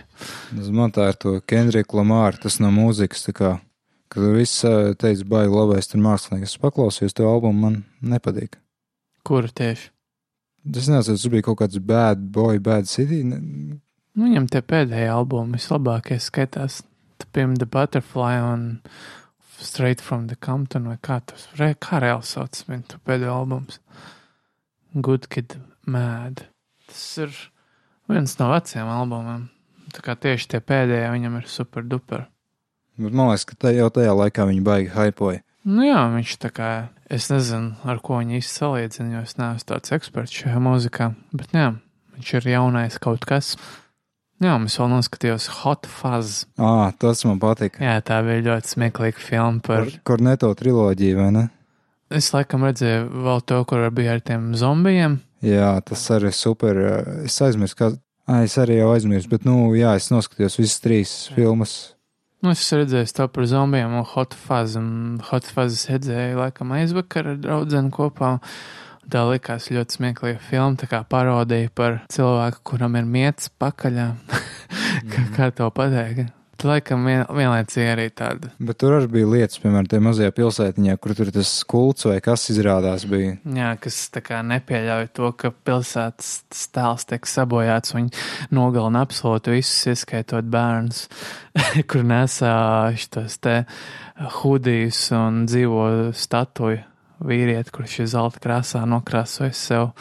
Un pats smieklīgākais, ka dzīvā statuja viņš tā kā izskatās dzīvāks, esot miris, kā tēlojot dzīves statuju. Brīta humors rullē, ko lai saka. Jā. Brītu filmas gan es varētu vairāk paskatīties, kas nenāk no Holivudas. Jā, man ļoti patīk seriāli vecie. Rovana Atkinsona seriāls šitais uh, The Black Adder. Man ļoti patīk kā bērnam, un arī tagad nesen pārskatījos. Bija ļoti izcils sērija. Sērijas. Iesaku noskatīties, ja patīk melns humors. Nu jā, es kaut kad vairāk paskatījos Little Britain, bet es sapratu, ka viņi baigi daudz atgremo tās pašas joks, tās pašas idejas, tad baigi neskatījos tālāk. Neko es tādu neesmu dzirdējis. Vienīgais humors šovs, ja to tā var nosaukt, ir Top Gears, un pēc tam tas tika pārmantots uz uh, Grand Tour. Es skatīšos, tagad būs vairāk sēriju. Es noskatījos, jā, daļu no pirmās sezonas likās smieklīgi. Tas ir viss, ko es varu pateikt. Pēc tam tāds nekas īpašs nav prātā no Britiem. Tad, jā, tas bija bezcerīgais podkāsts. Šoreiz tiešām bezcerīgs. Kaut kā baigi maz par to Dead Rising 4 pateicu, bet, nu, tāpēc lasiet apskatu. Tur mums bija jā, jāuzņem apgriezieni, līdz mēs varējām sākt kaut ko runāt. Mums vajag reklāmu, revenue. AdSense. Mēs drīz sadarbosimies ar LMT un ieviesīsim maksu par mūsu apmeklējumu no, no 4G tīkliem. Būs speciāli jāabonē par 4 eiro mēnesī, lai varētu apmeklēt Straikalvē. Mm -hmm. Tas, lai atzīmētu internetu neutralitātes ēras beigas Amerikā. Un mūsu serveris pārceļās uz Ameriku, tāpēc uz mums tas attiecās. Jā. Paldies, ka klausījāties!